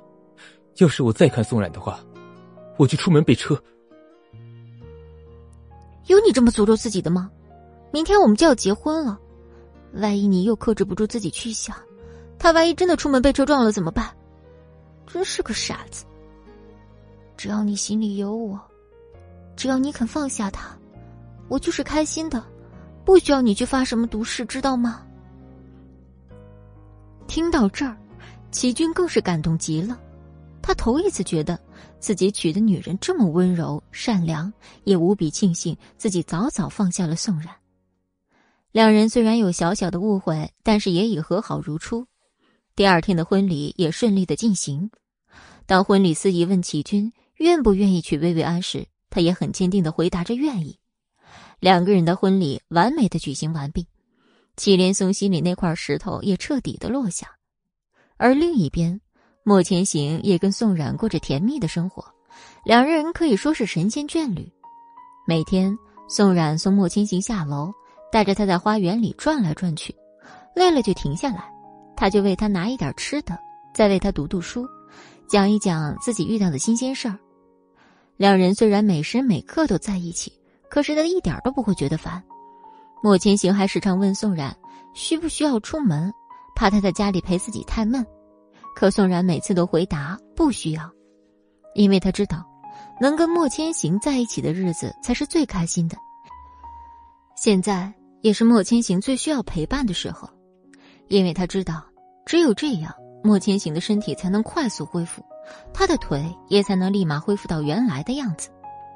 一想到这儿，宋冉的心里就觉得自己这样做是十分正确的，但是他也很担心莫千行的腿，因为这段时间以来，他的腿的确没有任何好转。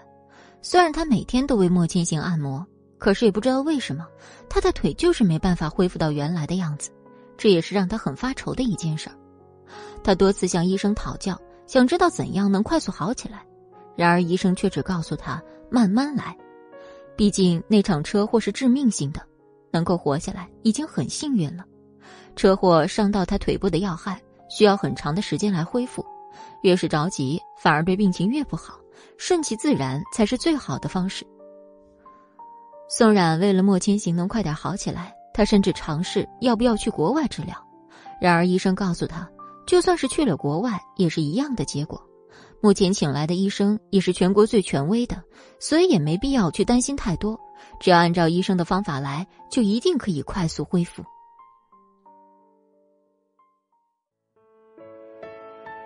二百九十四集。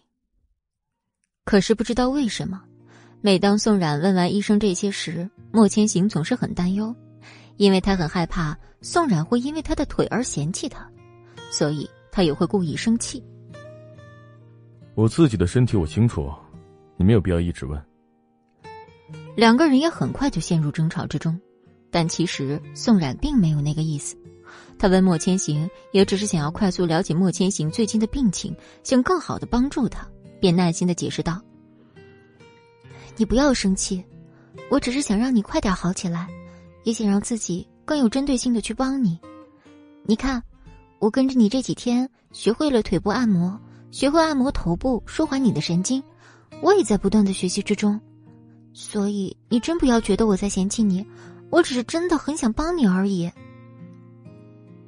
然而说这些根本就不管用。”莫千行的心思不再像以前那般单纯。自从他的腿不能正常走路之后，他的心里开始出现了自卑的状态，这是在以前从来没有过的想法。可是就因他的腿一直迟迟不好，所以他才会有这种想法存在。他很讨厌自己这样，可是他也没有办法。毕竟他现在成这个样子，想要恢复很难。就算身体恢复，有过这么一次经历，对他心理上也造成极大的创伤。虽然医生没明说，但宋然也知道，只是一直不知该怎样去告诉他。我知道你现在很担心，但请你一定要相信我，我对你的爱只增不减，并没有因为你身体变化而少一分，反而我比以前更加珍惜与你在一起的时光。所以我也希望，你对我们之间也能够有信心一点，不要想那么多，好吗？都是我不好，刚才吓到你了吧？我只是一时之间没有办法接受这个事实。你要知道，我以前是一个干什么事情都雷厉风行的人，但是现在，因为我这个腿，公司没有脸去，在你面前我也没有了自信。我觉得我自己都快成了一个废人了。以前我总觉得是时间的原因，所以我的腿才迟迟没有好。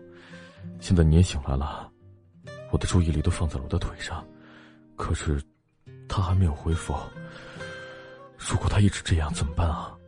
难道我就要一直在轮椅上这样坐着，一辈子都靠你推着我生活吗？这是宋冉第一次看到莫千行如此脆弱的样子，也是第一次听到他跟自己说这样掏心窝子的话。他以前看到的那个铁血硬汉的形象，在这一瞬间完全崩塌。他逐渐的了解到莫千行的内心世界，原来他也跟自己有同样的担心，只不过。之前碍于一个男人的面子，没有说出来罢了。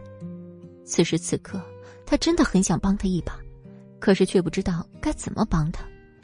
如果说自己可以让莫千行的腿恢复到原来的样子，那么让他折寿二十年都是可以的。但是他也知道，这种情况少之又少，自己哪里会产生奇迹呢？所以，他也必须要给莫千行足够的信心，就算他没有，他也要用自己的力量让他拥有。便劝解说：“你一定可以的，在我眼里，你一直都是个无所不能的男人。这算什么？我们退一万步讲，现在不正好是你休息的大好机会吗？只要你能够好好复健，我又陪在你身边一直鼓励，我们怎么可能不会好呢？我相信，一定会有那么一天，你会完全好起来。但在这之前，你必须要听医生的话，听我的话，不要自暴自弃，也不要胡思乱想。我们一定可以等到康复的那一天。我相信，你也要相信。如果连你都不相信，你就觉得那一天还会到来吗？听到这儿，莫千行觉得，此时站在自己面前的女人就像一个天使一样，给自己一股力量。这也是他在宋冉身上看到的不一样的一面。而此时，思慕走过来说：“冉冉说的对，你不能老这么胡思乱想。公司的事情有我。再说了，你现在都已经抱得美人归了，还想那么多干什么？哪像我一个孤寡老人。”好不容易遇到一个喜欢的女人，还让人家跑了。唉，真是太让我伤心了。听到这儿，莫千行的注意力才完全转换过来。什么喜欢的女人啊？你这号人物，还能有什么喜欢的女人吗？别说什么瞎话了。你说什么呢？喜欢的女人，说来听听。我都不知道你喜欢的是什么样的女人，正好给我科普一下，好让我长长见识。能让一个对女人没有兴趣的男人产生兴趣，这女人到底什么样啊？看看，还是我有办法让你们之间不吵架吧。我喜欢的女人，当然是又美丽又大方又善良。只不过，我跟她只见了一面，她还没有给我打电话。说不定人家没看上我呢。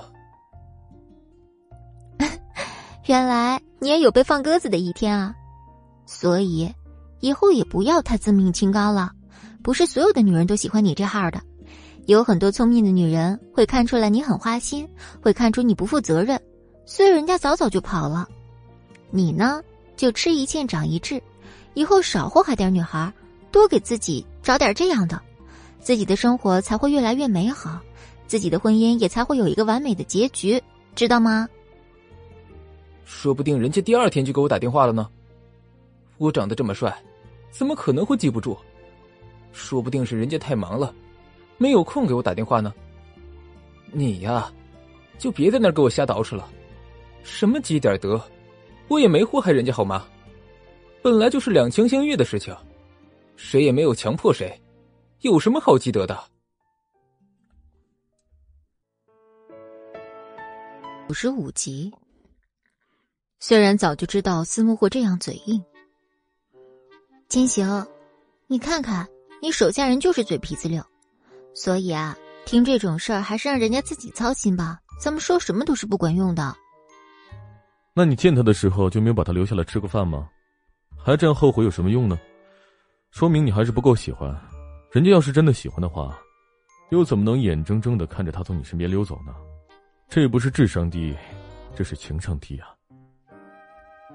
思慕也很冤枉啊，他倒是不想让那女孩走，可眼下有一个特别重要的客户，关系着莫氏集团的未来，他怎么可能开玩笑呢？那可是莫千行的公司，他说什么都不能让他轻易倒下。你懂什么呀？我这还不是为了你？那天正好有一个重要的客户，我如果不去见的话。那咱们莫氏集团吃什么喝什么呀？你倒是好，在这里说我，你倒是给我想个办法，怎么样我才能够重新碰到那个女孩呢？因为我当时太着急了，没有留她的联系方式，只是把我的联系方式留给她了。可是到现在她都没有联系，我可见真的快要凉凉了。那你自己不要人家联系方式，那我就帮不到你了。不过，你要是能告诉我她的名字的话。我兴许还能帮你查查，虽然时间可能会长点儿，但是总比你这样守株待兔强吧。这个时候，思慕只恨自己有个猪脑子，明明自己有很多资源可以查到那女人的资料，可是他却偏偏没用，一直等人家主动联系。想想那脑子也是被驴踢了。哎，多亏你提醒了我，我才想起来自己关系那么广，找个人那还不是轻轻松松的事儿。我怎么才想到呀？真是太谢谢你了！我这就给他打电话。让他帮忙给我找找郑雨薇的下落。听到郑雨薇这三个字，宋然只觉很熟悉，好像在哪儿见过，但是又想不起来具体在哪儿，只好由着思慕找那个女人的下落。说不定等以后有机会见面了，就想起来了。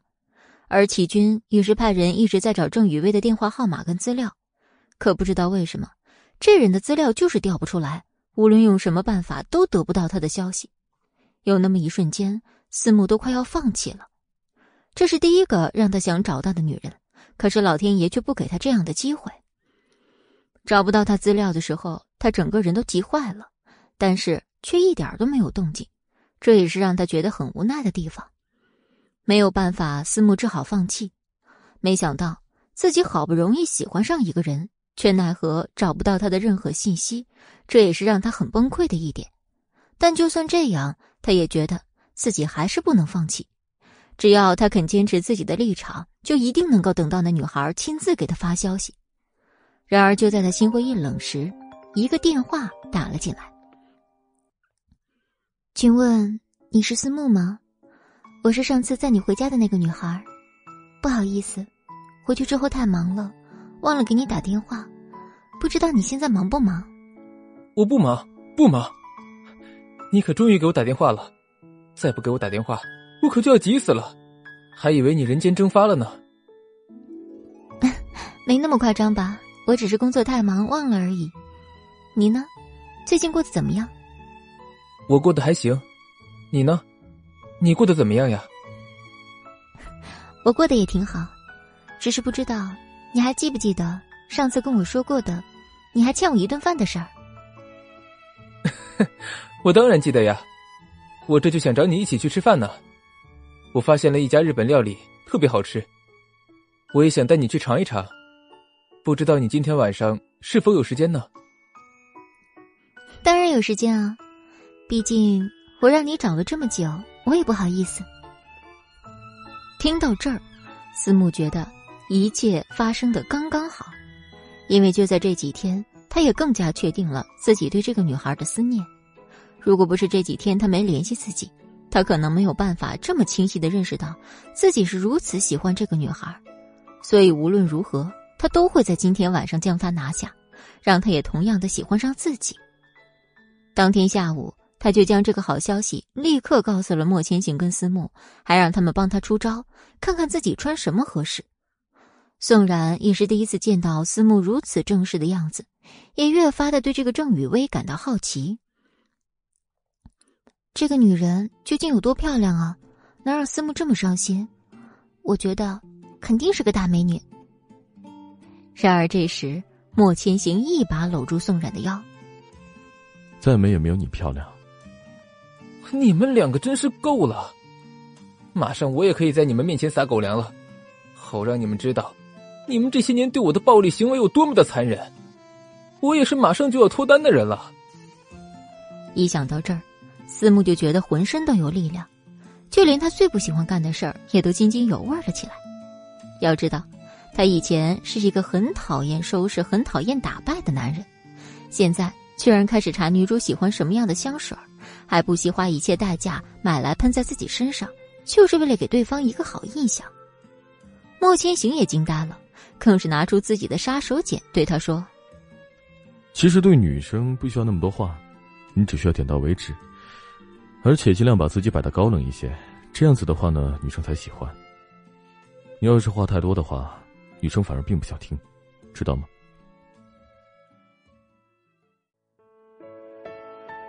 九十六集，莫千行的话，思慕更是牢牢记在心里。知道莫千行是不会害自己的，便笑着对他说：“嘿嘿，你放心吧，明天我就把他给你们带过来，让你们给我瞅瞅，说不定下个月我们就能结婚了。然后呢，我就可以顺利的完成你们交给我的任务。你说这岂不是两全其美的事情吗？哪有这么快的事儿啊？”你也太把自己当回事儿了，万一人家女生并不想跟你在一起呢？说不定也就是跟你聊聊天而已。你别把自己弄得这么高兴，到时候摔一大跟头，再跑来我们这儿哭鼻子。嘿，你的嘴里能不能有点我的好啊？我好不容易有一个喜欢的对象，你还这样说我，宋然，你可真不是我的好朋友。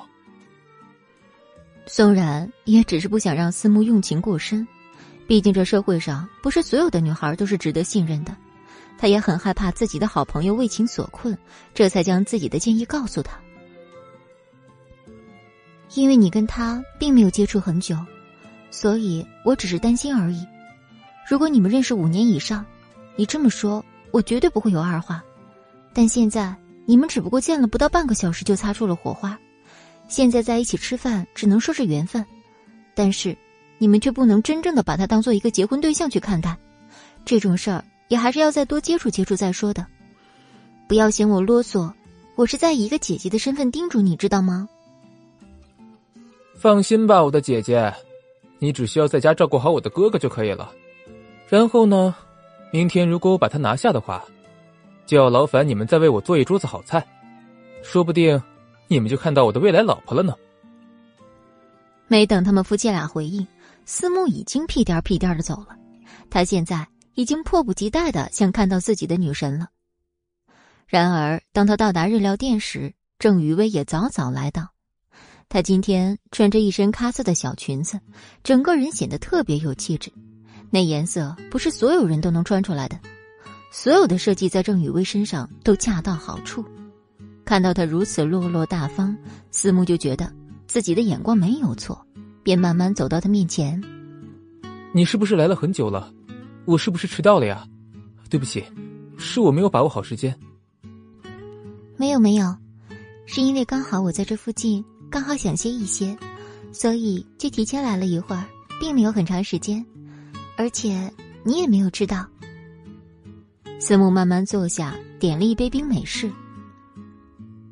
这其实是我第一次主动的约女孩吃饭，并没有什么经验。嗯，也不知道你喜欢吃什么，所以菜单给你，你来点吧，我都可以的。怎么感觉你跟第一次见的时候不太一样？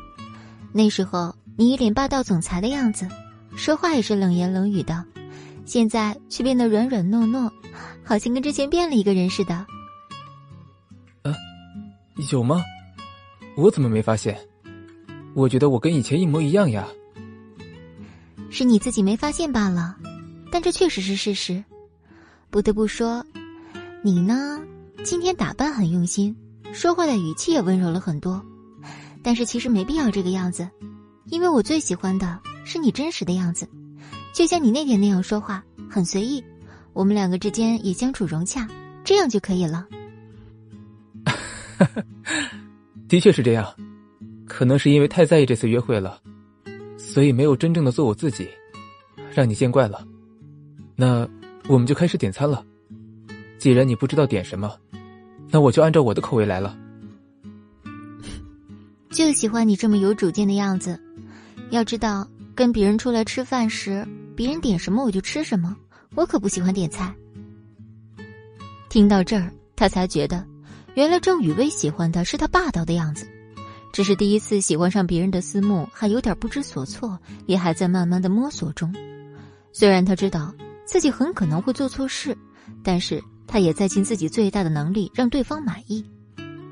这顿饭也吃得十分愉快。临了，思慕对女人说道：“我能冒昧的问你一个问题吗？”“何来冒昧一说呀？你问吧。”“我想问。”你有没有男朋友？如果没有的话，你可以做我的女朋友吗？你确定你不是在开玩笑吗？怎么突然说起这个来了？我没有在开玩笑，我是认真的。我从见到你的第一眼起，就非常的喜欢你，也特别想要跟你在一起，就是特别想问，你愿不愿意跟我在一起？如果愿意的话，我希望你做我的女朋友，我也会好好待你。你放心，我绝对不是耍流氓的行为。这一次，我是以结婚的目的跟你交往的。我希望你能够认真的考虑一下，可以吗？听到这个消息的郑雨薇觉得受宠若惊，她万万没想到思慕会这么快就接受自己，自己也只是按照林雨柔的方法来，因为只有接近了思慕，才有可能接近莫千行。只是不知道这一切居然来得这么快，快到让他觉得有些夸张。那，如果我答应了你，你会像你说的那样，继续对我好吗？思慕赶紧点点头。七集，他非常的坚定以及肯定，他会对郑雨薇好。这是他第一次努力的想为一个女孩子去做点什么。他也相信自己绝对不会食言，因为他自己已经潇洒太长时间，也需要一个定性的人来陪伴他，不能再像以前一样，碰见一个就随便玩玩，玩腻了就扔掉。他现在就想找一个长期的，虽然他不能保证自己会永远爱他。但是这一次，他十分认真的去喜欢一个人，至少在他喜欢的这个过程里，他是充实的、开心的，也绝对绝对不会去辜负这个女人。郑雨薇得到这种回答之后，内心也开始出现忐忑，因为在这之前，她也是一个很单纯的女孩子，第一次遇见思慕这种傻傻呆呆的男孩，对自己有这种倾向，他也开始混淆自己的身份，但他也始终记得。自己跟林雨柔之间的交易，只要他完成这次任务，就会得到一千万的奖金。这对他来说不是一笔小数目，足够让他后半生衣食无忧。而眼前的这个男人，他也不确定能给自己什么，所以他必须按照计划进行。看着一直犹豫的郑雨薇，思慕的心里更加忐忑不安。啊，你不用有任何顾虑，我只是很喜欢你。想让你做我的女朋友。如果在我们的相处过程中，你觉得有任何不舒服的地方，你都可以告诉我，我都会改。只要你肯相信我，我一定会让我们的感情越来越好的。我也相信我们的未来会越来越好的。这是思慕第一次找到莫千行对他说的那种感觉，他第一次想要去认真守护的女人，是不会轻易被一些诱惑打倒的，就像现在一样。思慕已经认定郑雨薇是自己想娶的女人，所以无论今后他看到的是其他任何美女，都觉得没郑雨薇来的踏实。好，我答应你，只是我也没有什么经验，如果我有什么做的不好的地方，你也要告诉我，好吗？听到这儿，思慕情不自禁的笑了。因为他终于可以明天就把自己心爱的女人带回去给莫千行跟宋冉看，自己也总算没有食言。一想到这儿，他就觉得特别开心。以前都是他看着莫千行跟宋冉秀恩爱，现在他也可以在他们面前秀一把。晚饭过后，他便拉着郑雨薇的手去逛街，给她买了很多礼物，可以说从头到脚、从上到下都把郑雨薇打扮的漂漂亮亮。还对他说：“明天要带他去见一对重要的客人，让他必须好好打扮一番。”郑雨薇早就猜到是谁，他也早就跟林雨柔串通一气，就连明天要对莫千行跟宋冉说的话，他都准备好了。只是在这之前，他还是很忐忑。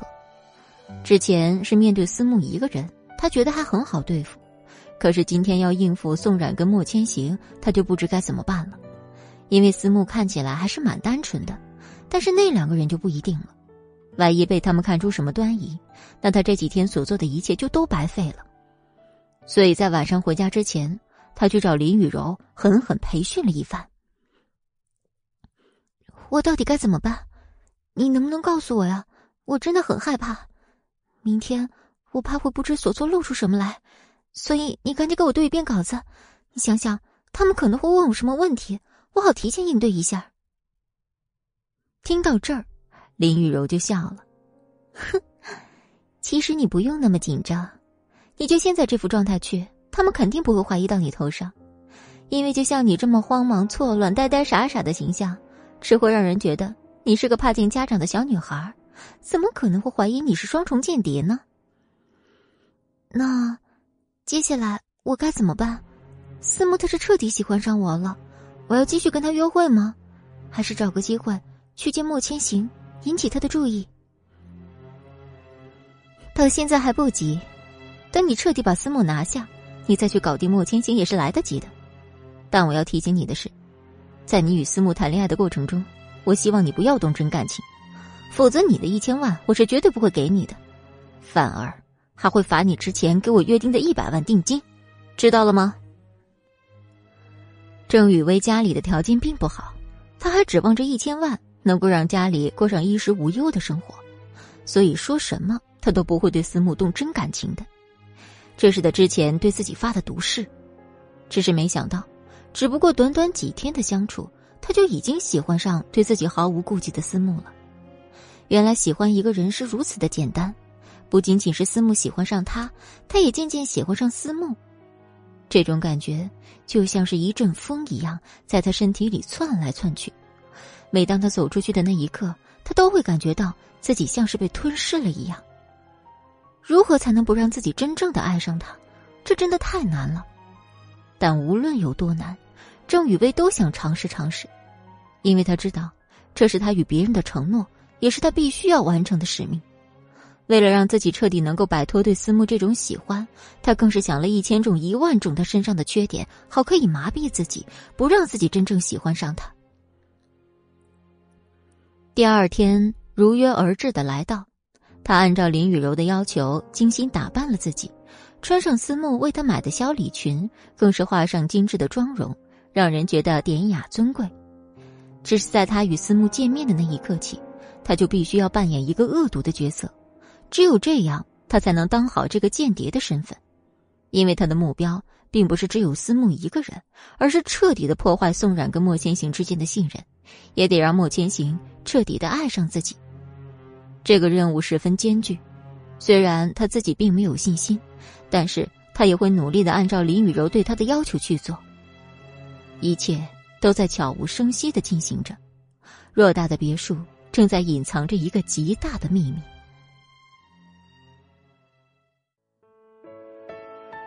十八集，郑雨薇特地精心打扮了自己。他知道，今天这一仗他必须要打得漂亮，要不然他之前所做的一切努力就都白费了。不仅仅要让思慕对他神魂颠倒，更要在宋冉和莫千行面前留下一个好印象。他之前听过林雨柔对莫千行的描述，也了解他所有的爱好，包括他喜欢的女人，他也尽力在模仿。虽说。宋冉并不是全天下最漂亮的女人，但她的气质也是最吸引莫千行的地方。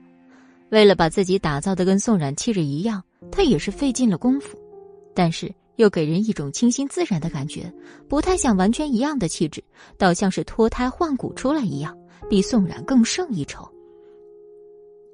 但就算自己如此精心打扮，郑雨薇也不敢完全的觉得自己能够让莫千行喜欢上自己，因为。他也不敢高估自己的能力，只能尽力去做。当他出门时，思慕正好将车开到他的门前，像是商量好的一样。他觉得这一切都是思慕故意弄出来的，因为他并没有告诉思慕他的住址和出门时间，而他却刚刚好出现在这儿。那么，只能说明一点：他早就打听好自己的住址，也早就在附近蹲点儿等着自己出来。看见思慕的第一眼。郑雨薇就露出自己招牌式的笑容。嗨，你怎么知道我住在这儿？哼，想要知道一个人的住处，那还不简单吗？更何况，你还是我喜欢的人，就更简单了。倒是你，我还以为你会多睡会儿呢，没有想到你起的还挺早。这是我给你买的早餐，快点吃吧。谢谢，可是我已经吃过了。你还是自己吃吧。郑雨薇在起床时就让自己吃了一个小面包，她不敢吃太多，因为只有保持饥饿，她才会永远记得自己的使命是什么。然而，为精心准备早餐的思慕突然感到一下子心凉了起来。他选了一早上的早餐，就这么白选了，心里多少有些失落。看着郑雨薇也失去原先的热情。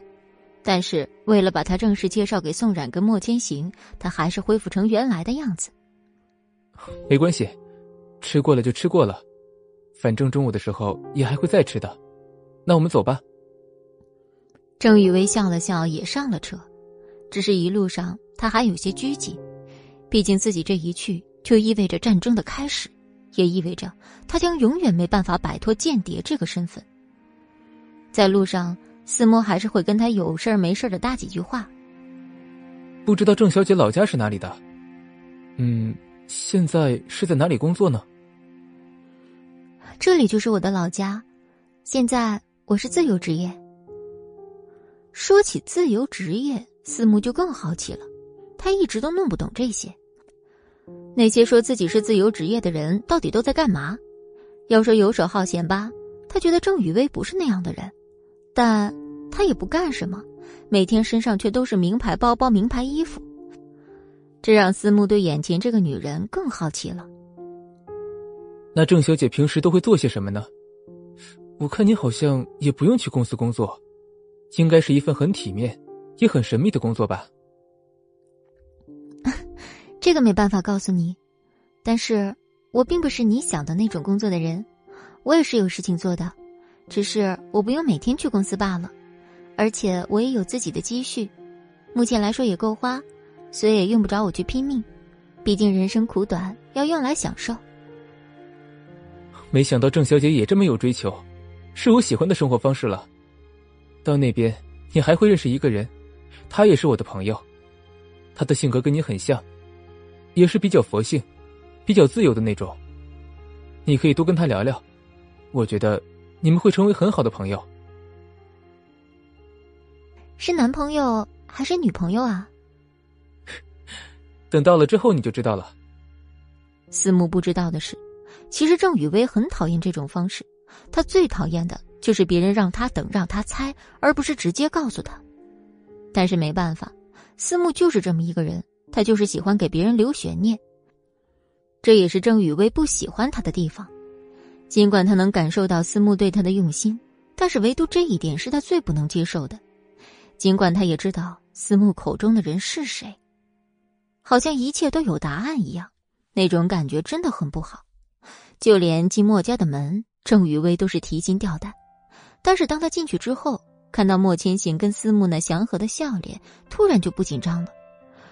这跟林雨柔描述的完全不一样，他感受到的全是他们的善意，而不是他嘴里的恶毒跟心狠手辣。宋冉看见郑雨薇的第一眼就很喜欢，只是因为她的打扮跟笑容让人觉得很亲切。哇，思慕的女朋友好漂亮啊，你说是不是？千行。莫千行没有说话，只是笑着点点头，这也让郑雨薇觉得亲切。两三个人立马就熟络了起来。我给你们正式介绍一下，这个呢是我的女朋友郑雨薇，这两位呢是我最好的朋友宋冉和莫千行。你们好，我是郑雨薇，你们叫我雨薇就好。你好，我叫宋冉，如果你不介意的话，可以叫我冉冉。这是我的未婚夫莫千行，你可以叫他千行。不用叫他。他呢，一般不参与我们之间的对话。谁说我不参与了？你当我是透明人呢？莫千行直接怼回了思慕，他知道思慕这是怕自己抢了他的风头。你们可真有意思，说话都这么好玩。十九集，虽然很好奇，其实他们只是普通的对话而已。而宋冉却觉得很有趣儿，他开始好奇的问：“余薇小姐，平常跟朋友不这么说话吗？我们平常最喜欢的就是互损，还怕你见怪呢。”啊，可能是我以前经常转学的原因吧，我的朋友比较少，所以一般说话都是有事情或者学习上的，嗯，也不会是这种互损的方式，所以我还挺喜欢你们之间的对话的。看着郑雨薇如此真诚的说这种话，宋冉觉得他跟自己很像，都是小心翼翼的人。其实说实话，如果不是在思慕跟莫千行面前，他可能也很少会这么肆无忌惮的说话。说这么多干什么？快吃呀！今天带你来，就是想认识认识新朋友。再一个呢，就是让你尝一尝宋冉做的菜。他呀，最近可没少学新花样，都是为了他的未婚夫做的。我可没只让莫千行一个人做，这些菜可是专门为你们两个做的，是庆祝你们在一起的大餐。你还这么说我，我看你是翅膀硬了吧？今天我可是带着客人来的，你可不能说我的不好呀！可别忘了你答应我的。好了好了，别跟他一个小孩子闹了，快吃饭。我们今天的主要任务就是照顾客人，你忘了吗？宋冉当然没忘，他只是想让面前的女人更加了解思慕的真实面目，这样的话，他们才可能更好的发展下去。如果思慕一直这么装着自己，那么他们之间不会有什么好结果。其实，我今天想跟你们说几句话。我觉得思慕是个挺好的人，但作为他的铁哥们儿和青梅竹马，我觉得你眼光没错。他虽然平时花心了点儿，但是你是他第一个带回来的女人，这也足以证明他对你的上心程度。所以郑小姐，你一定要好好珍惜身边人。看着宋冉这么为自己说话，思慕简直感动坏了。他万万没想到。宋冉这个节骨眼上还肯为自己说话，谢谢你啊，宋冉，这个时候还得你为我说话。你呀，好不容易碰到喜欢的，就一定要好好对人家，不能再像以前那样吊儿郎当。要知道，遇到一个好女孩可不容易，你可千万不能欺负人家。我好不容易才找来的女朋友，我怎么舍得欺负她呢？倒是你们，可一定要好好的对她。他呢，在这边也没有什么朋友。以后，我们就都是你的朋友了。在这边，你随便来玩，我相信宋冉跟千行一定不会觉得烦的。看思慕如此用心，莫千行也彻底放心了。他也就是盼着这么一天，思慕能够有自己的家庭，没想到居然如此之快。而且他也觉得郑雨薇挺好，也符合他的标准，两个人看着也蛮般配。思慕啊。记住我跟你说过的话，你老大不小的了，一定要有自己的分寸。现在呢，也已经到了结婚的年龄，跟人家也好好处。如果觉得合适呢，就是结婚，赶紧成家立业，这样我就放心了。说到成家立业，郑雨薇立马就慌了神儿。我也只是跟他交往没几天，还不到结婚这么深的层次吧？你现在觉得没几天，可等几个月之后，你就会觉得我们说的话是对的。思慕立马拉着郑雨薇的手。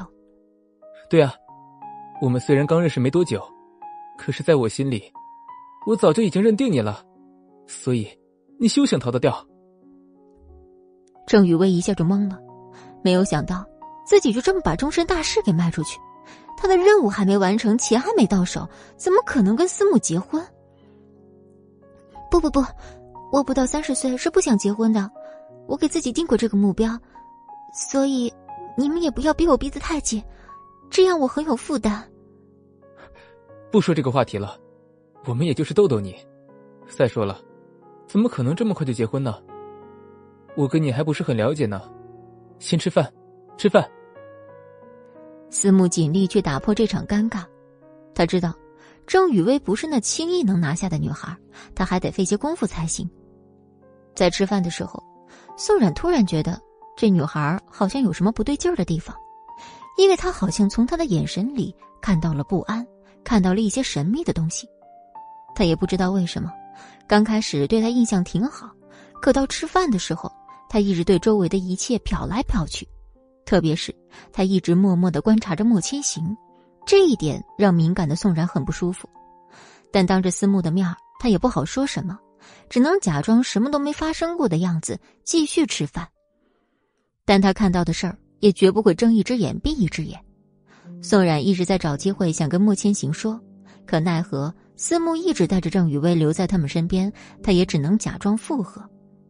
虽然那也只是很微小的动作，但是这对宋冉来说却是忌讳。他太害怕像林雨柔那样的女人了。他好不容易才跟莫千行重归于好，不会让任何一个人再介入他们之间，哪怕是冤枉了一个人，也在所不惜。而宋冉的拘谨也很快被莫千行发现，他看着他那么小心翼翼的样子，也想问他怎么回事儿，但奈何有客人在，只能等待时机的到来。而在这顿饭吃完之后，思慕才拉着郑雨薇离开，而莫千行跟宋冉都松了一口气，因为他们都一直紧绷着，不敢说一些不好的话。这下终于可以畅所欲言了。就在他们要离开时，郑雨薇突然停下。冉冉，我可以加你的微信吗？这样的话，我们可以随时聊天，你看怎么样？不知为什么，宋冉下意识的不想加。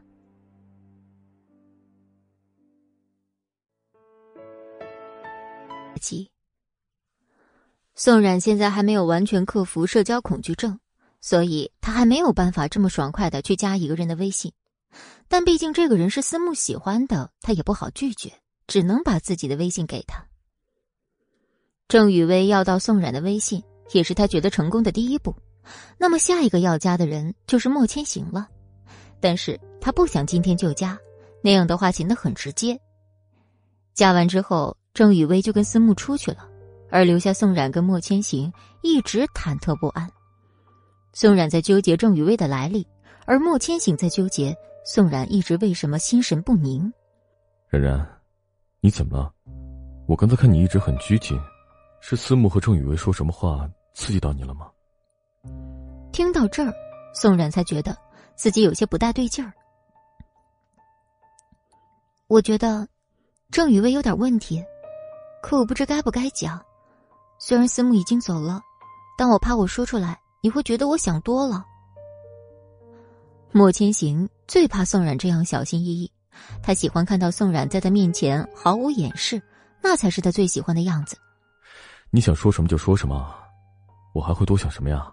你是我最亲近的人，你不跟我说，你又能跟谁说呢？别傻了，到底怎么了？我觉得郑雨薇有点怪怪的，她总是时不时的去看你，我害怕她接近思慕的目的，并不是想要跟他结婚，而是接近你。原来你也会吃醋啊！我承认郑雨薇的条件是好了那么一点儿，但是你也得放心啊，我绝对不会有二心的。她根本不是我的菜，而且我对你是什么样的，你还不清楚吗？莫千行信誓旦旦的说着，他的确对郑雨薇没有一点感觉，对他来讲，他可能就是女人橱窗里的一件衣服罢了。但宋冉不一样，宋冉是他的心头肉，而且也是他唯一会穿的衣服。我清楚你的为人，可这女人刚开始的时候看着挺好，我不知道为什么，越看他越觉得不对劲儿。是不是我得了什么被害妄想症？可我真的觉得他有问题。你呀，就是太敏感了。放心吧，我是有分寸的人。这个郑雨薇，我也会叫人去多查他的底细的。要是真的不单纯，我也会劝思慕早点放手，不会让他们继续下去的。听到莫千行的话，宋冉才放心，他心里的疙瘩也终于解开了，但他还是很担心思慕。毕竟，一个男人如果喜欢上一个女人，是不顾任何代价的，而智商也会为零。相比男人看女人的目光，其实女人看女人更准。他还想继续帮思慕观察一段时间，但是他不想这么快就告诉思慕，因为他觉得现在如果跟思慕说的话，可能会起反效果。因为恋爱中的男人怎么可能会相信自己的女人有问题？为了避免思慕伤心，他只好委曲求全的再观察一段时间，等发现真相以后再告诉他也不迟。思慕把郑雨薇送回家，就匆匆赶回来。他太迫切的想知道他们两个人的真实想法，他立马赶回墨家，询问宋冉跟莫千行的意见。然而此时宋冉不想回答这个问题。他尽力去躲避思慕的视线，就是怕宋冉问这个事儿，因为他太了解宋冉，他肯定会询问自己，自己找的女朋友怎么样。然而司慕一眼就看到宋冉，急匆匆过去拽住他：“哎，宋冉，你觉得他怎么样呀？他加你微信，你跟他聊天了没有？”“嗯，没有啊，我们只是加了微信而已，还没聊天呢。怎么了？”“没事儿。”我就是想问问，你觉得他怎么样？有没有觉得什么不太好的地方？刚才送他回家的时候，他还问我来着，想知道你们对他的第一印象是什么，我也好告诉他呀。第一印象挺好的，挺温柔的一个女孩子，好好对人家。还有，你们也是刚认识，别发展那么快，你要多了解了解之后再下结论，知道吗？嗯，他很好的，不用我去提防他。只是我希望你们也能够成为很好的朋友，这样的话，我们以后就可以天天玩耍了。这岂不是一件特别好的事情？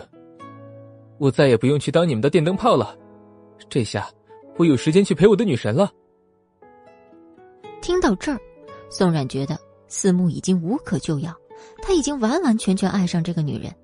就算是自己找出确凿的证据，恐怕四木也不会照单全收，可能还会指责自己破坏了他的美梦。现在对于宋冉最难的就是没有办法完全消除对郑雨薇的芥蒂，他也需要趁着一些机会试探一下这个女人。如果真的是自己想多了，那真是皆大欢喜；如果不是，他也很害怕这个结果会对思慕造成很大的影响。毕竟他原本就是一个对婚姻不自信的人，如果再来这么一件糟糕的事儿，他怕思慕以后再也不提谈恋爱的事儿，那对他来说就是巨大的打击了。这件事情，无论是对宋冉还是对莫千行来说都不好做，毕竟是自己的好朋友，所以现在的宋冉也只能期待对方是一个好人，因为只有期待他是好人，才能够使他们的生活变得容易些，不然那会是一场无休止的战争，也会影响到他们跟思慕之间的感情。一想到这儿，宋冉就觉得自己十分难做，他也不想去掺和这件事儿。但是为了好朋友的未来，他必须要掺和。宋然也暗下决定，一定要查个水落石出。